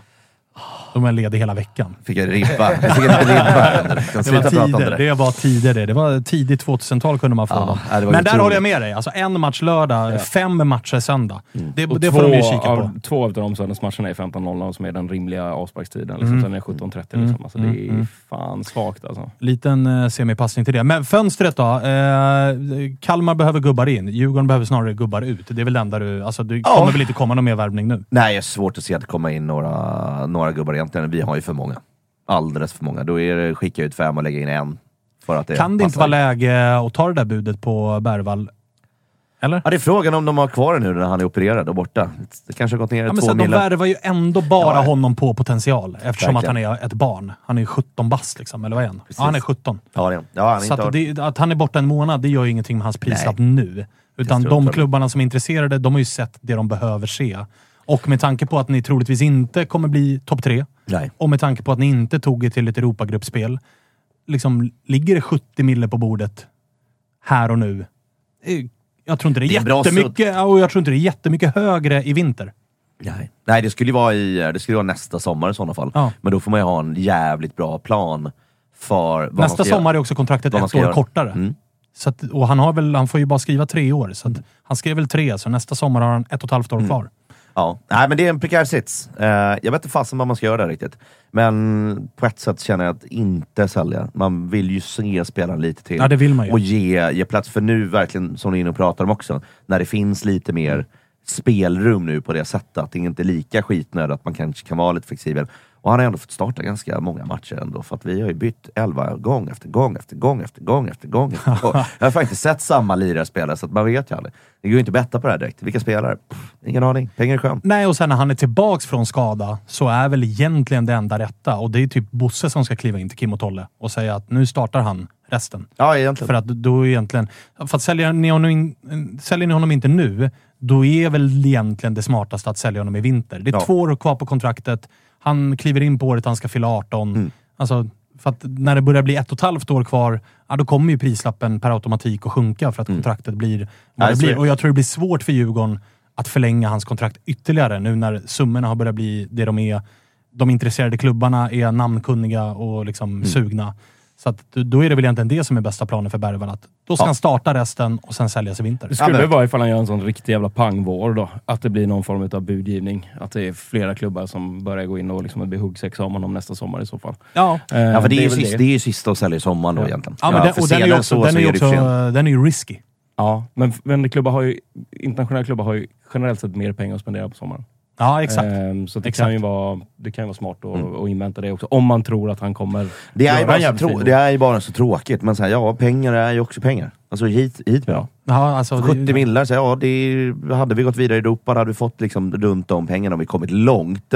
Om, verkligen om. Det har vi gjort det en gång också, så att, uh, lugn där Det går inte att räkna och Nej, budgetera med verk, gruppspel. verkligen inte. liksom. Så det här är ju ja, något, någonstans i, i, samma, i samma sfär som om man hade gjort det i Europa. Så, ja, nu missade det. Vi klarade inte ens första motståndet. Fick en pissig lottning med det bästa laget också. Så, ja, ja, det, det är också vad det är. Så att, eh, vi hade chansen, men vi tog den inte. Vi har ju massa lägen, men vi sjabblade bort den också. Det blir eh, jävligt intressant i alla fall att följa Djurgårdens höst med tanke på de, alltså, de spelarna som har kommit, vart fan de ska ta vägen formmässigt och liksom om Kim och Tolle kommer att eh, hitta rätt. Ja. För det är det som är den stora frågan. För de kommer ju inte flyttas på den här säsongen. Spelarna som har kommit in, de är där nu. Mm. Nu handlar det om att liksom utnyttja det som har kommit. För att än så länge så har det ju varit, framförallt då Felix Va och Gurbanli, det har ju än så länge varit besvikelser. Att hallå, vart, vart är ni? ni? Ni värvade för att göra Mm. Nej, skillnad. verkligen, verkligen, liksom. verkligen. Nej, så det, mm, fan, jag, vill, jag vill bara se Mosa spela. Få, Eller hur? få två, tre matcher bara. Lira, lira, lira och se lite vad som händer. Han har varit nära, inte riktigt träffat bollen. Nej, men då behöver man ju få spela få, för att komma in i formen bara. Eh, men nu har vi en lätt match då. Det är ju Malmö borta. Sen har vi en tuff bortamatch i Sandviken borta gnagare. onsdag, onsdag, onsdag nästa vecka. Eh, som vi mötte i precis innan pandemin. 2020 hade vi dem i eh, kuppen. Spelade inomhus i bandyhallen där uppe. Eh, de var svinbra den matchen. Kevin Walker var vänsterback och riktigt upprullad på läktaren. Jo, men alltså Eh, Sandviken. Jag minns när AIK åkte ut mot Sandviken Ja. i det här eh, kvalet. Nej, de, var, de var bra där på försäsongen. Just spela inomhus, det borde ju vi kunna på Tele2, men eh, vi klarade inte det där, där nere. Så den, den blir ju tuff. Senast mötte de bara svårt. Ja, det är ju två lag som jag tänker på när jag tänker på Svenska Kuppens förkval. Det är ju Eskilsminne och det är Sandviken. Det känns som att det är alltid de två lagen som ställer till det för eh, drakar. Fråga Elfsborg förra året, Oskarshamns AIK. Ja, exakt. Oskarshamns, eh, men det var ju första gången man typ hörde talas om det laget. Alltså Eskilsminne har väl slagit ut Helsingborg i fyra raka förkval eller någonting. Det är i alla fall min magkänsla. Att så här, Helsingborg är aldrig med i cupens gruppspel. Eskilsminne är det alltid. Ja. De möter alltid varandra. Ja. Sandviken lyckas på något sätt krångla sig till gruppen. Mm. är min känsla bara. Säkert helt fel. De har säkert bara gjort det en gång, men det är i alla fall min... eh, De min, stör eh, motståndet i alla fall. Ja, exakt.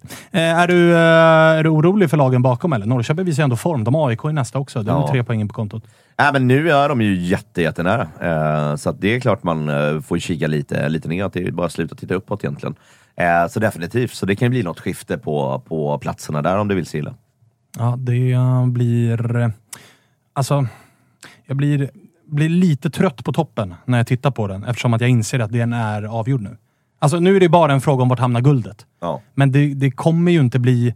Alltså jag är ledsen att säga det, men du vet ju om det här. Men Malmö, Häcken och Elfsborg är ju tyvärr för bra. Ja, ja, ja. alltså ja, de är ju för bra. De de har all- verkligen stuckit iväg. Det är åtta poäng före. Åtta och nio poäng före, det är ju för mycket att ta, ta igen. Även om vi nu har Malmö så har vi redan mött Häcken två gånger och mött Elfsborg två gånger, så de är ju borta. Så Ja, där kan ni liksom inte ju ta... Det är inga sexpoängsmatcher mot dem. Nej, de ska ju bara gå och torska en massa matcher mot alla andra lag som de spöar egentligen, och förutom Hammarby nu på något jävla vänster. De inte kan vinna på Ja, en Bayern körde en eh, liksom lite parkerad buss.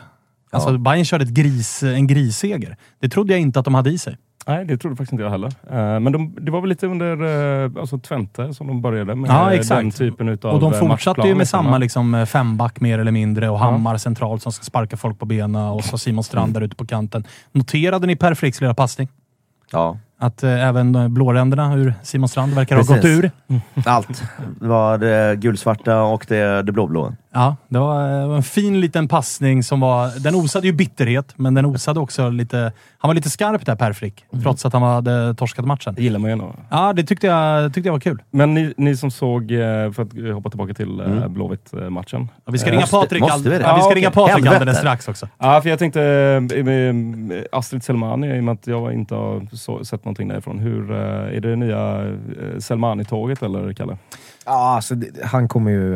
eh, Lo, han har tagit över loket från Sulle, Sulle. Kommer ju tyvärr inte få en chans nu, så att det, det tåget har... Det, det gick aldrig. Jag får helt enkelt landa i det. Så kommer Selmani-tåget. Det tror jag faktiskt. Det tror jag. Men Ja, Berg med lite lite, Berg med lite pinnar också, så att, uh, Ja, nu är, alltså- får väl han vara starter då helt enkelt. Blåvitt fick ju också det, exakt det de behövde. Alltså de får Selmani-inhoppet och så vänds matchen och så vinner Ja. man.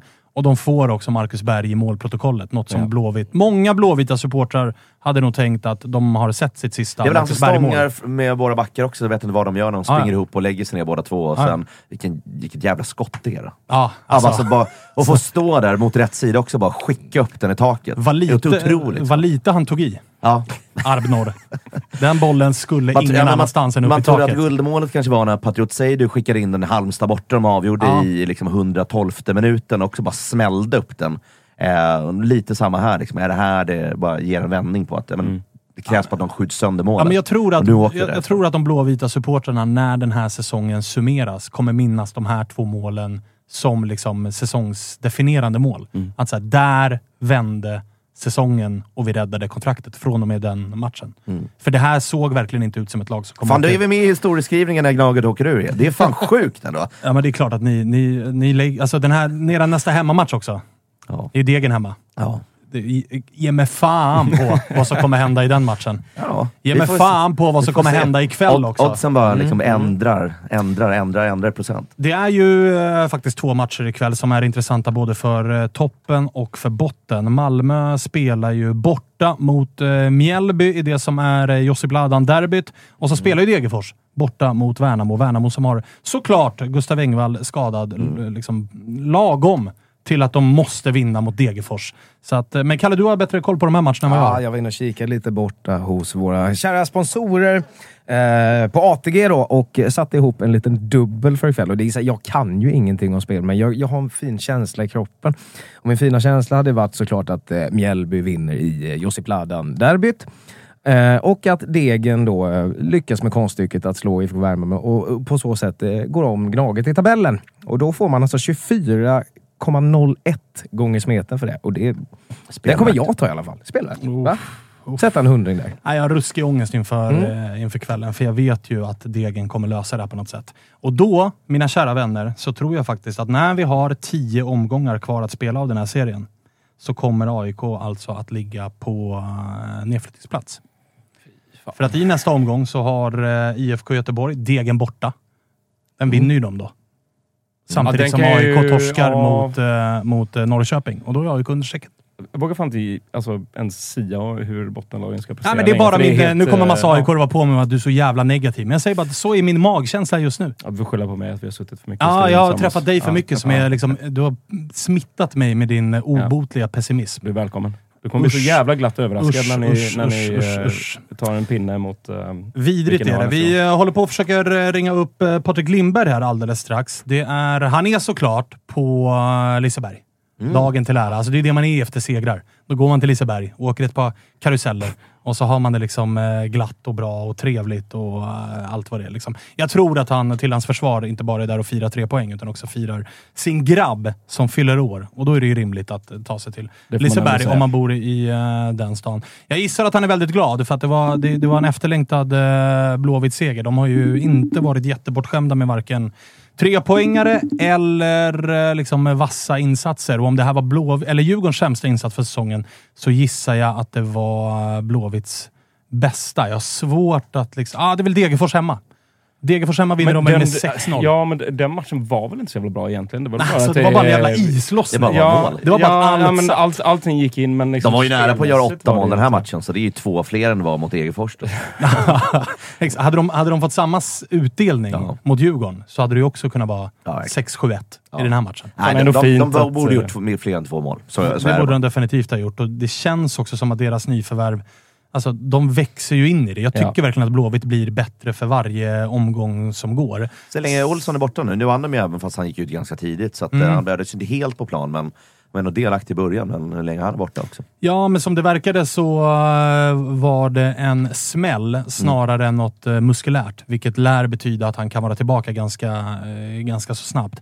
Man lider ju med honom och det är ju också symboliskt för Blåvitts säsong att han har väl typ varit bästa Blåvitt-spelare Han leder väl, han har varit på led, plan. ledde väl skytteligan i alla fall fram till matchen. Ja, men han borde väl fortfarande göra det. Jag tror inte Berg har gått om.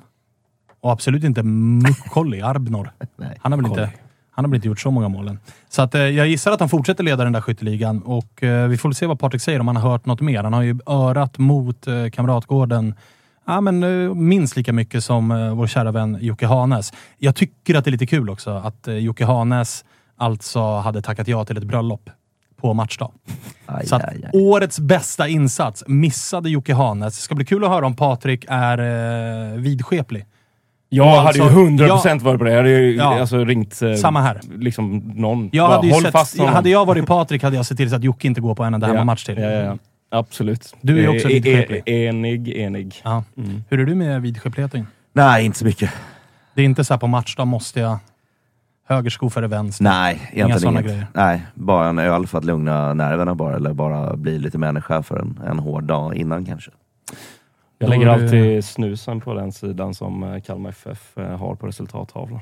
Det, är, det är ju faktiskt bland det Otroligt. sjukare jag hört. Det är ganska jämnt, det är ändå lika många matcher liksom, så det, det blir ju ändå Ja, det blir perfekt eh, Ja, fördelning då. ja. Bra fördelning. Ja. Bra för eh, tandköttet också. Ja, Få lite variation. Ja, men precis. Den brukar min, på två ställen. Ja, det brukar min tandläkare tjata om. Att variera sida lite grann. Ja. Eh, det gör det jag ju inte. Men det jag kanske, kanske ska börja med den. Du switchar inget om de anfaller åt ena hållet, eller i underläppen och överläppen också? Nej, jag provar. Det. över- man tar det- underläge. Man tar det extra. Man tar det extra. Nu ligger vi under, hamnar Ja, men då, kanske, då, då lägger man in två istället. Ifall vi behöver göra två mål, då är det liksom... Då är det dubbel. Ja, då är det dubbel. Ah, okej. Så, att det var, Så- det var ja, det andra var, halv, eh, Efter 19 minuter mot Sirius körde du alltså fyra snus. Ja, det var mycket nikotin i blodet. Åke.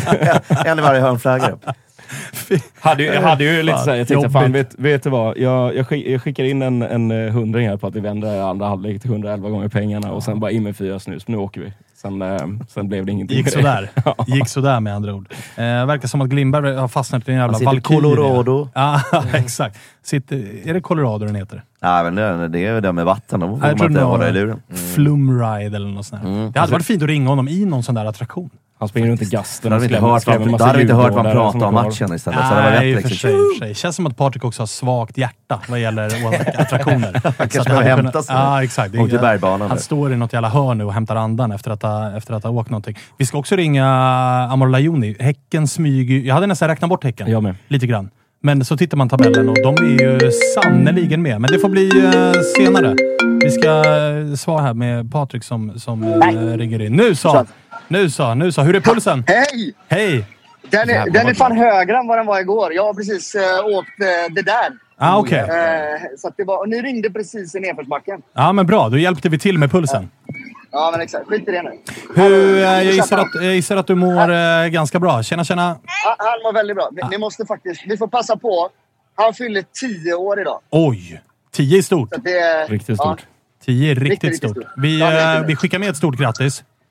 härligt, härligt. Då fick han en fin, tidig födelsedagspresent på Gamla Ullevi igår. Då. Eh, ja, fast han fick se den hemifrån. Ja, ja, men Min ändå. pappa kan inte bete sig när han är på det är sällan han får följa med. Ingen jättebra förebild då. Nej. Kanske framförallt Väldigt, inte den här säsongen. Ja. Hur, hur mår Fred i studion? Eh, Fred är inte här. Vi har istället eh, Wilberg med oss. Freddy ställde ju såklart in med kort varsel med tanke på resultatet Ja, igår. förstår det. Jag förstår det. Kasta Men- in handduken. Du. Nej, eh, livet är piss. Eh, Exakt, vi har Djurgårdsrep ändå och det har varit ett ganska deppigt eh, avsnitt så här långt. Men desto gladare eh, nu, för det där var väl säsongens absolut bästa insats. Ja, men det var vändpunkten. Det var, det var precis vad vi behövde göra och det är ett, ett sanslöst symbolvärde i att det är just mot Djurgården som den kommer. Oaktat om Djurgården är lite halvkris just nu och oaktat om de spelade piss just igår. Så att vi får med oss den trean hemma efter de svaga insatserna som har varit. Att vi liksom får utfall på, på eh, Astrid-bytet direkt. Att McCauley får sätta dit en som ändå är en av de som är värvade för att göra förändring. Så, eh, sanslöst bra känsla. Men du... hör ni mig, eller? Ja, då, vi hör dig, vi hör dig jättebra. Ja, det är bara bra. kul att det är lite liv i bakgrunden. Eh, Du var inne på svaga insatser och vändpunkt och sådär. Om man ska vara ärlig, de tre senaste insatserna har väl faktiskt liksom inte varit så jävla dåliga och de tre senaste insatserna är väl faktiskt någonting att eh, liksom, ta med sig och som talar för att ni kommer att lösa det här. För det är 2-0 hemma mot Kalmar. Vi ska ha med oss att matchen mot Norrköping den är ju speciell med tanke på att ni dominerar och är klart bättre och ska göra mål. Men som bottenlag är och bottenlag kan vara så, så kan det ibland bli att man bara åker på det och så skiter det sig. Prestationsmässigt så är det ju faktiskt ganska bra mot Norrköping. Och sen kommer det här. Så det är väl ändå en trend nu som talar positivt för Blåvitt. Men det är ju just bara det här att jag har slutat se tendenser och börjat räkna poäng istället. Mm. Det är väl där eh, den stora... Alltså vår stora fallgrop i år har ju varit att vi, vi tycker att allting ser... Ah, nu har det inte sett jättebra ut. Men jag menar, historiskt har ju Blåvitt... Hade hela Poyas Bagge-eran var ju att det såg väldigt bra ut, men det hände ingenting.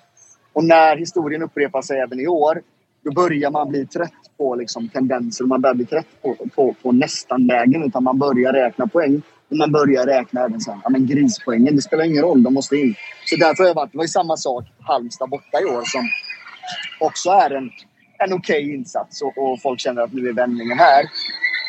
Men absolut, det har sett bättre ut.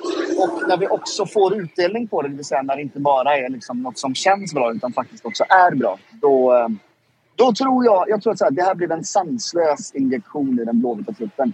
Och det var ju det absolut sämsta som kunde hända Degerfors inför eh, både kvällens kamp men även nästa vecka.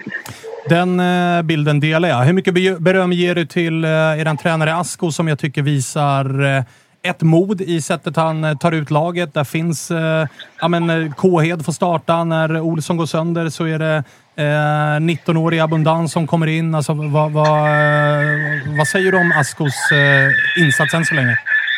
Han, han tar inga fångar och jag tror att hans sätt att arbeta på är, är ganska intressant just nu eh, uppe på Kamratgården. För att i och med de nyförvärv vi också tagit in, du tar in Selmani, du tar in Colny, du tar in Santos. Det är spelare utan någon form av Blåvitt-koppling överhuvudtaget tidigare. Och det gör också att skulle de åka ur så gör det inte lika jävla ont. Och det är nog inte dumt att, att, att jobba på det sättet. För att det vi ser nu är att han vågar ställa Bångs på utanför. Som ändå är den. Han, han har gjort absolut mest minuter i Allsvenskan för oss i år. Eh, han sätter ut Sebastian Eriksson på en vänsterback. Oskar Wendt inte tillgänglig och så vidare. Så här, det är ganska stora rotationer i truppen inför. Han byter kant på Mikolli och Santos och sen som du säger då, så Abundans in. Och om man ska vara rent krass och ärlig där så hade jag ju inte ställt ut mot Djurgården hemma ett centralt mittfält med abundans, med Carlén och med kåthet. Det är inte så att man bajsar ner sig när man ser den, den trion centralt. Eh, och det blev, jag var ju skiträdd för att det skulle bli en, en kamp om mittfältet som fotboll generellt ofta blir. Men eh, det blev ju en kamp mellan målvakterna istället, tack och lov. Eh, för oss den här gången. Så att, jag, jag måste säga att jag, jag vill ändå hylla hans sätt att ta sig an den blåvita truppen. Att han vågar just plocka undan de stora, tunga eh, namnen när det väl behövs. Selemani då? Vad, han kommer ju in med eh, en jävla energi och får en påverkan direkt, tycker i alla fall jag, ifrån tv-soffan. Om inte, alltså, inte taktiskt, inte jättemycket tekniskt, men, men snarare blotta närvaron och, och liksom arbetskapaciteten. Och ändå liksom det går lite av ett sus, upplever jag från tv-soffan. Att Gamla Ullevi vaknar till lite grann. Att nu är han här, nu är han inne på plan. Det här är gubben som ska leda vår offensiv nu och det känns som att han är redo att axla rollen.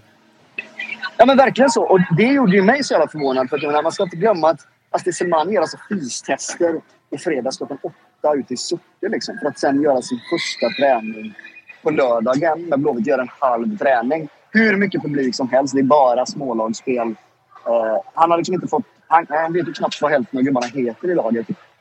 Och kommer ändå in. Jag tycker att hans inhopp är mycket bättre än vad jag trodde att det skulle vara. Jag trodde att han skulle komma in och så skulle det vara lite så här ja, men det är lite felsynk mellan honom och Mukolli för att de inte har spelat ihop. De hittar inte varandra på samma sätt. Och du, vet, du vet hur det kan vara när någon kommer in liksom sin första, det blir som första träningen för året. Um, men det första han gör är att då riva tag i bollen ner i sin duell i hörnflaggan, vinna den, lyfta hela jävla kommandobryggan och sen dra med sig folket. Jag menar, även när han står på avbytarbänken och står och värmer upp och Marcus Berg blir, blir eh, omkullsprungen lite lätt i, i straffområdet. Vem är det som gestikulerar absolut mest? Vem är det som ska ha absolut mest straff av alla? Jo, det är Astrid Selmani. Och det måste jag också säga tyder på en jävla massa karaktär. Han vill vinna. Han skiter i vad det är för färg på tröjan. Nu är, nu är han här nu ska vi bara köra. Så att jag, jag har varit impad av Astrids... Eh, både ankomsten och också hur han tog sig an liksom hela första dagen på Kamratgården. Hur självklart han går fram och tar kort med alla nya ungar. Hur han skriver autografer. Hur han går och applåderar publiken direkt när han kommer upp. Och så här det är, det är ett självförtroende som har saknats eh, i, eh, i Blåvitt och en typ, ja, ett typ av självförtroende som vi inte haft i den blåvita truppen på väldigt många år. En annan spelare som jag tycker eh, imponerar är ju han som kvitterar matchen, Arbnor Mukolli som...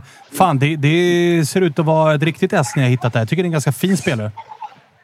Ja, han är fin. Han är ju... Han är ju också bra med högen som vänsterfotad, vilket är... Sällan man ser alltså. Vad sa du? Det är sällan man ser vänsterfotade spelare ha en hyfsad högerfot. Nej, men, och det, det var ju som jag sa med till exempel att man sätter Sebastian Eriksson på vänsterbacken i eh. Det gör det ju för att han är vänsterfotad. Men du tar ju aldrig en central mittfältare och sätter på en högerback. Du resonerar ju aldrig likadant när det kommer till en högerfotad spelare. Så det är... Och det är just för att de är, ofta är så pass enfotade. Men McCauley kan ju faktiskt skjuta även med högen. Jag har sett honom göra det flera tillfällen. Uppe på träning var det ganska bra klipp i, eh, i dojan. Vilket gör att han blir ganska svårläst också. Så att jag, jag, eh, och det gör ju också att då vågar han ju liksom byta kant på både Santos och Mukolli. För du kan då dels få Santos som bara springer och löper ner i struten. Men du kan också få då den inverterade Santos och den inverterade Mukolli. Han blir ju mångsidig på, på så sätt. Det är gött att han också få göra ett av poängen som då är en av de som ska göra Du, eh, tre sista snabba grejer då. En eh, ja. positiv, en negativ och en som eventuellt då ger dig lite ångest. Men mm. vi börjar med det negativa. Sebastian Olsson av igen. Vad gör du av det? Det värsta är att det eventuellt är en fraktur. Aj då. Eh, så att vi, vi får se här nu. Det måste ju lägga sig och så får ju... Tydligen så vill man inte... Jag fattar inte. Man vill inte röntga om inte om inte svullan har lagt sig. Jag tycker att man borde kunna se en fraktur ändå. Men vad fan vet jag? Det är inte så att det är en jävla röntgenläkare. så att eh, de vill eh, avvakta mer. Det är såklart superviktigt. Eh, framförallt med tanke på att han har haft en, en eh, riktigt tuff period också skademässigt tidigare. Så det, det är aldrig rätt gubbe, men det är klart att det var fel gubbe. Oj, klockan. Han tittar på mig som sju svåra år här, Axel. Ja, ah, Okej, okay. då ska vi... Då ska nej, vi... Nej, det, var, det var rätt. Vad var nästa grej? Nästa grej var Sebastian Eriksson. Det såg ut som att han var hyfsat lättad över den där segern. Då. Ja. Men så blir det ju. Han, han lever ju och andas och, och skiter Blåvitt. Och kommer ju göra det även den dagen han slutar spela fotboll. På, eh, på eh, gott och ont. Det finns ju... Det är väl ingen som blir undgått att det finns ett jävla mörker i honom. Och, eh, det, är en speciell karaktär så kan man ju säga. Det, är, om, man, om man ser till det, det har väl ingen missat den här omklädningsrumsvideon när, eh, när han slår sönder den lilla eh, plåtlådan i omklädningsrummet som Blåvitt har gjort själva. Nej, det är ett jävla sätt att visa glädje på i alla fall. Aj, alltså jag vet, jag, hade, jag, hade jag jobbat med media i Blåvitt så hade jag aldrig släppt ut ett sånt klipp. Det är ju bara skadligt för honom. Han framstår ju fan som helt jävla blindgalen. Det, det är vad det är. Men det är han ju också, så det är väl rimligt egentligen Jo, också. jo, jo, men vad fan. Han blir ju toxisk i ett omklädningsrum. Ja, ja. Eh, sista grejen då. Nästa omgång. Degerfors borta. Omgångens match. Ja. Ja, det är bara, Discovery har ju flyttat studio dit. Såklart. Fattar du vilken nivå det är. De bara, nu kör vi. Det blir en två och en halv timmas sändning. Ja, men jag är, sugen, jag, är sugen på, eh, jag är sugen på att åka ner alltså. Ja. Nej, den blir ju... eh, Den blir... Jag vet inte vad. Alltså just idag. Alltså du, du, du vet ju också hur mekanismerna funkar. Just idag när man har tryckt till Djurgården hemma. Sist vi mötte det jävla laget så slog de med 6 hemma. Just nu känns det ju som en walk in the park. Men om du frågar mig på onsdag efter att eh, eh, Degerfors antagligen krossar Värnamo då med 4-0. Då är det klart att då ligger pulsen någon helt annanstans. Just idag känns det som att vi ska kunna klara av uppgiften. Ja, just idag Men känns det också som att... sanslöst- eh. Just idag känns det också som att AIK kommer komma dyng sist i serien. Så att jag förstår ju vad du menar med att man präglas av senaste resultatet. Så att vi får väl, du får väl leva med den känslan, så får jag leva med min. Så får vi se igen mot torsdag, fredag då, hur det känns. Om det får bli så bra. Du, eh, ta hand om eh, grabben nu. Hälsa honom eh, återigen och ha en fin dag. Ja, tack, tack. Ha det Vi, gott. vi hörs. Tja. Tja, tja.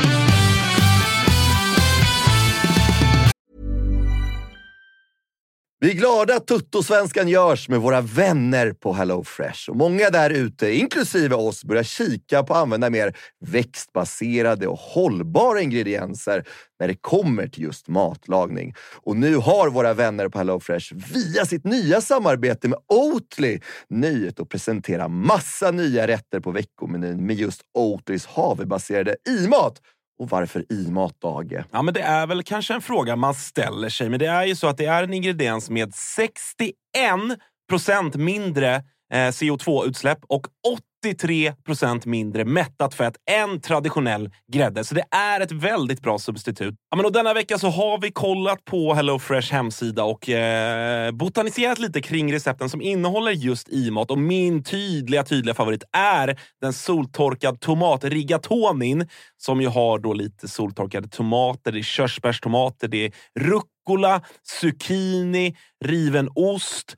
Ja, men ni hör, en väldig massa smaskiga grejer som blir en krämig pasta. Just att använda rigatonin, Freddy, som jag vet att du gillar också, som just suger upp all den här såsen. Mm, den är en favorit hos mig. Verkligen. Och jag gick faktiskt händelserna i förväg och testade redan förra veckan deras medelhavsinspirerade räkgryta med just i-matsåsen och sen lite, lite, lite fint långkornigt ris.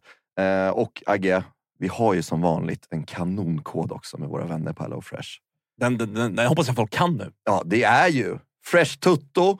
Du får upp till 1359 kronor i rabatt på dina fem första kassar om du inte har prövat HelloFresh ännu. Plus fri frakt på den första matkassen. Och det som är så bra, har du inte använt HelloFresh på över 12 månader så gäller koden även dig. Så gå in på hellofresh.se och lägg en beställning på en riktigt fin matkasse redan nu. Testa HelloFresh, testa Oatlys i-mat. Vi säger stort tack HelloFresh. Hörni, vännerna på Sky Showtime är tillbaka i Tuttosvenskan och det tackar vi ödmjukast för. Ni vet den här grymma streamingtjänsten där man bland annat kan se Oppenheimer som skördade hem Oscar efter Oscar. Men hörni, nu ska vi prata lite nyheter. Eller nyheter och nyheter. Det här är nostalgi för mig. För på Sky Showtime kan ni nu se Halo. Ja, Halo! Ni vet spelet man spelade för massa år sedan. Eller om man spelar nu. Aktuellt då som nu. Men det är alltså en serie baserad på det här grymma spelet Halo. Och det är inte bara en säsong, utan det är två säsonger ute exklusivt på Sky Showtime. Och som att det inte vore nog, vi har ju även en kod. Tuttosvenskan i versaler, alltså stora bokstäver, ger er första månaden gratis hos vännerna hos Sky Showtime. Sen kostar det 59 kronor i månaden. Så ladda ner appen eller gå in på skyshowtime.com och signa upp redan idag. Tack för att ni gör Tuttosvenskan möjlig, Sky Showtime! Vi är sponsrade av MQ och nu har Dobber, som är deras egna varumärke, kommit med en sommarkollektion. Äntligen lägger vi vintern och alla tunga plagg bakom oss och klär oss lite lätt. Sunset Horizon Club, alltså vad är det? Jo, det är inspirerat av surfen. Jag älskar surfen. Det är raka linjer. Det är eh, inte de här tajta plaggen, utan det är, det är lite mer luftigt. Och det kommer också i en eh, rad olika material, eller hur? Roger? Ja, men så är det. Det är ju eh, tencel, det är linne, det är lite jordiga toner eh, och eh, vad gäller plagg då så är ju de eh, knälånga stilrena shortsen såklart eh, med oss. Vi har skjortor med print och broderi samt det som jag kanske föredrar mest av det här, set i form av shorts och overshirt i liksom samma stil. Och så lite skjorta under det kanske är man redo för eh, lite kärleksfulla eh, sommarkvällar, Thomas. Mm, som ni hör, eh, det finns en hel del att kolla in i Sunset Horizon Club som alltså är Dobbers nya sommarkollektion. Glöm inte bort Tencel som alltså är mitt favoritmaterial som utmanar bomullen. Det är jag kan inte säga bomullen kan ju vara både tjock och tunn beroende på hur, hur många gram man använder, men det, det känns väldigt lätt på kroppen. Väldigt Ligger mjuk mjukt och len. Ja, len. Bra. Len Bra, bra, bra, bra. också. Eh, det, det här ska man kika in. Alltså Dobbers eh, nya sommarkollektion som heter Sunset Horizon Club. Och var finns det någonstans? Det finns på mq.se eller i alla MQ-butiker runt om i landet. Gå in och fynda nu inför sommaren. Vi säger stort tack till MQ som är med och sponsrar Toto-svenskan. Som en sol. Skönt med lite glädje. Eh, Det var ett tag sedan. jag gissar, eh, Wilberg, att du vill släppa den där matchen nu. Eh, ja, men det är bara att blicka framåt mot nästa. Malmö. Det blir ja, kul. Exakt. Eh, vi ska ringa Lajoni det sista vi gör i det här avsnittet. Häcken gick ju och vann också, även om det fanns ett långt inne mot Varberg. Trodde man ju på 8-0. 2-0 blev det. Sista målet kommer sent. Men Lajoni har fått, ja, precis. Och Le- Men Lajoni har fått en jävla fin start i tröjan. Får man ändå lov att säga. Besviken för min fantasy 11 där, att det inte blev typ 5-0. Ja, jag, jag kan eh, dela den uppfattningen, men nu har vi honom i alla fall med oss. Han ska få berätta själv. Tjena Amor Lajoni, välkommen till Toto-svenskan. Tjena, tjena. Tack så mycket. Hur är läget? Jo, men det är bra. Det är bra. Eh, 2-0 mot eh, Varberg. Vi eh, hade kanske tippat eh, 5-0 i den matchen. Vi, jag såg den inte, så att berätta för mig. Hur var det att möta Varberg? Nej, de var... eh, Vad ska man säga? De eh, var väldigt eh, bra defensivt. Organiserade bak, la sig lågt och det, det är alltid svårt att, att spela mot lag som äh, lägger sig så långt ner med så mycket, mycket spelare äh, bakom bollen. Och det handlade bara om tålamod för vår, för vår del äh, igår. Så vi kanske borde ha gjort några fler mål också när matchen öppnade upp sig lite. Eh, lite, slarviga, lite slarviga var vi också. Eh, men eh, men vi, vann, vi vann matchen tre poäng, så det var, det var bra. Vad säger du annars om din eh, första tid här i eh, Häcken? Du har kommit in och du har redan liksom presenterat dig med mål och assist och grejer. Hur känner du att du har kommit in i det? Nej, jag känner att jag har kommit in i det väldigt bra, tycker jag. Ja, så det, det är skönt. Eh, Jag känner igen eh, spelstilen eh, som eh, Häcken spelar. Då. Eh, Stor anledning av varför jag kom till Häcken också. Eh, eh, Det var typ eh, som jag hade i, när jag spelade i Bodeglimt. eh, Nästan samma. eh, Så, så det var inte så svårt för mig att komma in i spelsystemet. Det som eh, känner att saknas lite då och kan eh, bli mycket bättre är såklart relationerna eh, mellan, eh, mellan spelarna eh, för mig. Då. Så, eh, men annars väldigt bra. Hur har det varit annars här i början? För att jag menar, du kom ju kort in på liksom, att det skulle spelas match var, var tredje dag. Du pratar om att det, liksom, relationerna kanske inte riktigt sitter där. Det har varit en del spelare som har lämnat. Det har varit en del spelare in, bland annat du. Man har heller inte haft så jättemycket tid att träna med tanke på att det har varit match ja, men söndag, onsdag, söndag, torsdag, eh, hela den biten. Så att, har det påverkat liksom, att ni inte har kunnat träna så mycket som man kanske vill normalt sett? Eller hur tänker du där? Ja, nu fick vi ju eh, innan eh, senaste Europamatchen fick ju en vecka att träna och då, då känner man också att det, blir, det blir lite bättre när man får eh, tid att träna. Men matcher också, det är också bra. Men som sagt, det, det stör lite att det är matcher hela tiden.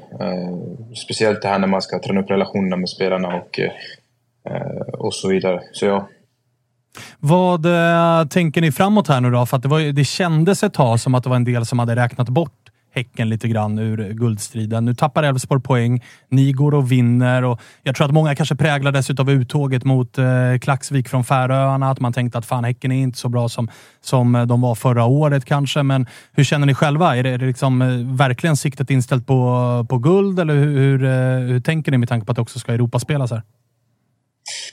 Jo, såklart. Eh, det var, det var tufft att åka ut mot eh, Klaxvik i Champions League, men eh, vad ska man säga? Möter vi dem... Vi, vinner nio gånger av tio mot dem. Så, men det händer i fotboll. Så, men vi tar en match i taget. Jag tycker att vi fortfarande har energi för att spela två matcher i veckan. Vi har en väldigt bred trupp. Eh, det kom in eh, senaste veckan eh, två nya spelare så, och vi får tillbaka spelare från skada också. Så det, jag tror inte det kommer vara något problem när vi har alla, alla tillgängliga.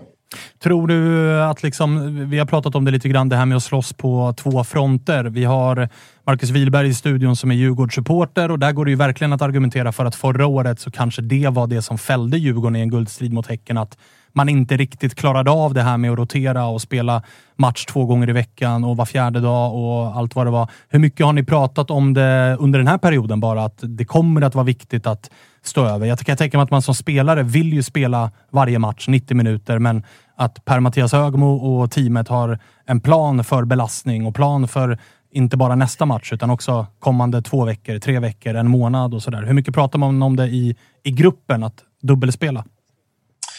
Nej, alltså vi som eh, spelare har inte pratat om det och tränarna har inte pratat om det med oss utan vi vet ju eh, vi vet ju att det är två matcher och vi vet att eh, ja, om spelar inte gör idag så det är ändå okej. Jag vet att jag måste vila och hit och dit. Men, eh, men vi har inte pratat om det eh, så mycket. Vi vet att alla som är redo tränar och är redo för match och sen är det upp till tränarteamet och, och ta ut de spelarna som eh, de känner är piggast den dagen och vem de vill vila. Så eh, är de som inte är skadade och eh, kan spela, vi, vi, vi ställer upp. Så är det eh, tränarna som väljer då. Kommer de med motivering då? Att så här, Amor, vi ställer över dig den här matchen, men på söndag det, då, då startar du för att det, det är tajt, tajt schema nu. Eller vet man det inombords att så här, jo, jo, men jag kommer nog... Står jag över här så vet jag nog om att då startar jag nästa. Alltså det kan ju vara så. Nu har det ju inte hänt, eh, så jag, jag vet inte. Eh, så det kanske de gör. De pratar med vissa spelare. Jag vet inte, jag har inte blivit... Alltså det har inte hänt mig.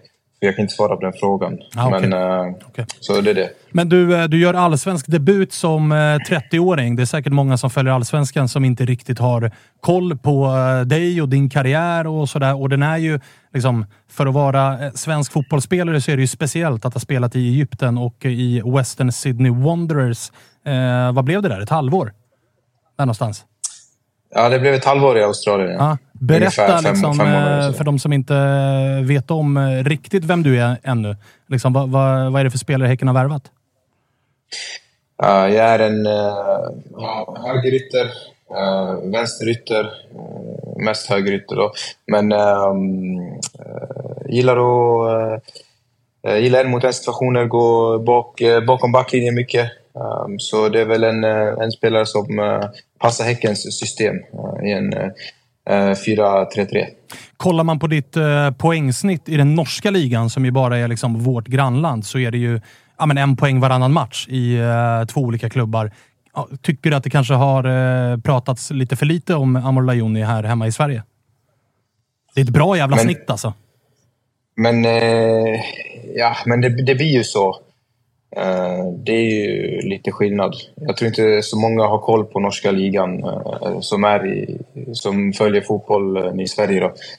Men, jo, men det har gått bra där. Men det är så ibland. Kan det ha varit... Jag har ju spekulerat kring en annan spelare som har gjort det otroligt bra i den norska ligan och som numera finns i AIK, som heter Anton Saletros. Där får man ju absolut konstatera att han har kommit in i AIK och gjort det extremt bra och han rapporterades ju göra det jävligt bra även i Sarpsborg. Jag var ju inne lite grann på att han kanske var sugen på att vända hem till Sverige just för att visa att så här, hej, ni har inte skrivit om mig, ni har inte sett mig så mycket. Se på mig nu, det är så här bra jag är. Fanns det någonting i ditt beslut att komma till Häcken för att visa att så här, hallå, har ni missat något här? Jag är rätt bra jag också. Alltså, jag... Eh, för mig var det, jag vill ju spela i Sverige. Det var ju en, i Allsvenskan har jag haft som en dröm sedan jag var liten att eh, jag måste få spela i Sveriges högsta, högsta liga som jag är svenskt. Såklart, jag har spelat många år i norsk, norska högsta ligan, men eh, eh, mycket roligare i Sverige. Det är ju mitt land ändå och jag har alla mina vänner här. Så ja, på ett sätt så, så kan man se det så. Det finns en del som spelar eh, fantasy allsvenskan som jag gissar lyssnar på det här programmet. Bland annat jag. Nu var ju Sadik avstängd. Du steppar upp och tar eh, straffen. Hur högt är du på eh, listan över straffskyttar? Ja, jag hoppas jag är äh, äh, högre nu i alla fall. Äh, som jag satt den igår, så, så vi får se. Var det självklart att du skulle ta den? Var det ditt namn som stod på tavlan eller hur jobbar Högmo där? Är det den som är hetast för dagen som får steppa upp eller hur funkar det? Det, det var jag och en till. Kommer inte ihåg vem. Men... Så det var jag och en till. Kan det varit och... eh, nyförvärvet på topp? Hirstic? Alltså, jag tror inte. Jag kommer, jag kommer fan inte ihåg alltså. Byter på honom då. Ja, då byter vi, då byter vi ut Hirstic direkt ifall han inte ens är topp två på, på strafflistan. Jag har ju honom i mitt lag. In med ja, Lajoni istället. Herregud. ah, Okej, okay, men du trivs från 11 meter i alla fall. Det är en sak som uppenbarligen är säker. Ja, det gör jag faktiskt. Jag har inte missat den. Så nu ska jag inte Jinxa ingenting. Jinx, jinxa mig själv Nej, nu. Men, det är dumt att göra. Men jag, jag har inte gjort den. Så det är, jag har tagit några, jag har tagit några i Superettan också. Ah, Okej, okay. 100 procent med andra ord. Du, eh, Salgiris eh, väntar här nu i nästa och sen så är det ett, det är ett jävla lurigt schema för er nu med tanke på att det är Sirius och sen väntar en kuppmatch mot Jonsered. Det, det är blandat motstånd här i kommande tre matcher. Ja, cupmatchen har jag missat. Så, ja, du, du kommer det, ju få vila den matchen såklart, men det är Jonsereds uh, IF på bortaplan okay. i Svenska cupen. Okej, okay, den har jag missat. Nej, men jag vet ju, vi har nu på torsdag en uh, oerhört viktig match. Uh, sen tror jag vi har Sirius på söndag. Och hur funkar det här nu? Slår ni ut Salgiris på torsdag, då är ni väl klara för åtminstone Conference Leagues gruppspel? Uh, jag tror det är så, ja. Sen ah. har vi väl, går vi vidare så har vi ju chans att ta oss in i Europa League-gruppspel om vi vinner mot eh, Aberdeen, tror jag vi fick. Ser det ut att kunna bli en ganska rolig höst? Ja, absolut. absolut. Eh, med Europa så kommer det bli jättekul. Härligt. Du, eh, hälsa Hammar och övriga i eh, laget. Det ska jag göra. Och lycka till nu på torsdag. Tack så jättemycket. Ha det ha fint. Det bra. Samma. Ciao, ciao. Hej, hej, hej. Fan, den, den är man ju Jonsered, BK Häcken. Det är derby, ja, det, derby, det, derby Della Laul, va? Det, det, är en jävla, ja, det är en jävla match alltså. Ja, en jävla match jävla att se fram emot. Men de smyger ju med. Ja, det gör de. Däremot så tror jag ju... Alltså, där, jo, men alltså, jag, jag, vet många som hade räknat bort Häcken och att det var så här, det kommer vara Elfsborg och Malmö det står mellan. Sen tror jag att Europa kan uh, störa till det. För häcken. Det, det, det tror Har jag en tendens att göra det. Ja, det vet ju du. Jajamän. Om inte annat. Och sen uh, att du har Malmö också som inte spelar i Europa. Som, Exakt. Ähm, ja, Malmö och Elfsborg, inget av dem har Europa. Nej. Talar ju för dem ganska kraftigt. Elfsborg ser ju lag i Bjälke nu vad det verkar i alla fall. Mm. Får se vad ja, det kan in få. annat skit också. Det blir lika bra det. det ja, alltså, det då spelar ingen roll vad, vad, varken Häcken eller Elfsborg gör. Någon ut, någon annan jävla in och sen är det bara... Ja, just det, han på bänken är ju faktiskt bra redan. Spela honom då. Jag hade ju hoppats att uh, Lajoni skulle komma till en annan klubb i samma färger, men som spelar norr om uh, Stockholm. Uh, mm. Jävla spelare! får jag lov att säga. Är, ja, alltså, alltså, riktigt, dålig koll riktigt, på honom sen innan. Ja, men, men, eh, riktigt, riktigt bra. Svinbra Riktigt, riktigt bra. Eh, såklart att Häcken skulle lägga beslag på honom. Och succé direkt. Vad gör han? Två mål första matchen? Ja, han har väl gjort han har ju tre plus ett på tre matcher. Det är klart att han har gjort det. Han hade toppat AIKs både skytteliga och poängliga på de tre matcherna. Usch! Fan! Det Mörkt avsnitt. var väl rätt... Uh enkelt ja, det, alltså, verkligen. verkligen. Flytta till Karlberg och bottenstrid eller till, eh, till eh, Hisingen och eh, toppstrid plus Europa. Liksom. Det är inget fel på bottenstrid. Spela framför 25 000 eller 300 en hund. Det är bara att välja. Ja, ja men eh, jag, jag tar nog fan ändå, ändå Ja, okej. Häcken där. Alltså. Ja, är klart att du gör det. Eh, Wilberg, tack för att du dök upp med kort jävla varsel när Yes. Freddy Arnesson eh, hade annat för sig. Ja, visst. Svagt av honom. Får se ifall vi tar in honom igen. Eh, Jonte, ditt murker gjorde så att min dag i alla fall blev lite bättre. Skönt. Hoppas att ni fortsätter torska, för då är du som allra bäst. Har någon Möllers nummer? Eller ska jag ringa Ja, exakt. det, du, du sitter ju faktiskt och funderar på om du har en plats i Superettan-podd nästa år. Ja. Det behöver du inte göra, men det är där du är i dina tankebanor. Eh, precis. Eller ja, kanske 2025. Um, se. Herregud, herregud. Då är de i ettan ju. Ja, just det. Så det, det är nu eller aldrig. Nu eller aldrig. Ja, med andra ord aldrig. Eh, Kalle Nilsson, du har skött dig idag. Tack! Två plus i alla Tack. fall. Ja, men, Ser du fram emot kvällen? Ja, men det gör jag. Det ska bli en jävla fin kväll. Eh, Jag vet att du sitter och håller på Degerfors också, din jävel. Ja, men jag kommer ju jag kommer kika lite Premier League-boll ikväll. Det är det jag ser fram emot. Ja, men det kan du göra efter Allsvenskan. Mm, mm. Nej, men jag ska in och titta lite. Alltså, Jos, Jos Bladan-derbyt, eh, ja. Kittlar ju. Ja, alltså, Kittlar jag, ju. jag vill ju se vilken sida av läktaren står han på. Liksom. Det, Nej, men jag tror Josip jobbar sådana här eh, pass. Så att han kan hoppa mellan sektionerna beroende på Just. resultatet. Mm, ja, han är ju smart ja. va, Josip Ladan. Eh, vi får se ifall han dyker upp på onsdag. Jag hoppas det. Vi, vi får se vilka andra som dyker upp här på onsdag. Jag tror att vi försöker få in eh, Mitov Nilsson, som ju är en Toto-svenskan-favorit och som gjorde comeback här i helgen. Byttes väl in? Ja. Det är också så ja. förnedrande när motståndarlaget passar på att "Äh, vi byter i målvakt. slick. Ja, alltså det där saltkaret du har framme nu alltså. Då är matchen så slut när de bara “vi kör ett litet målvaktsbyte här också”. Det var ju skada som föranledde det. eh, Ja, jag vet. Men, eh, men eh, nej, det kändes ju verkligen som att... Men det bytet hade ju kommit i alla fall. För att så här, nu är Mitov tillbaka, vi leder med 3-0, passa Det på. är otroligt liksom. att göra det. Ja, ja. Jävla Och han behöver inte, alltså det, hans hans två största insatser är typ att han räddar två bollar från att gå från hörna till inkast istället. Ja. En, här- en, en sån tv-räddning utanför och bara föser ut den till sidlinjen. Man behövde ju matchträning. Blir det ingen skott så får man ju ta dem. Ja, ja, ja, han är ju Ja. smart där Mitov. Rutinerad. Kastar sig på det som går och så vidare. Ja, nej men det var väl kul för honom att få hålla någon. Ja, vi får se ifall han är med oss på onsdag. Vi är tillbaka i alla fall 14.00 på Youtube. Ni hör oss på Spotify och på alla andra poddplattformar. Eh, berätta för era vänner som gillar Allsvenskan att man kan lyssna på oss eh, precis överallt och även titta på oss. Eh, det tycker vi är eh, kul. Bra jobbat idag, Kalle. Tack detsamma. Vi hörs. Hej. Ciao.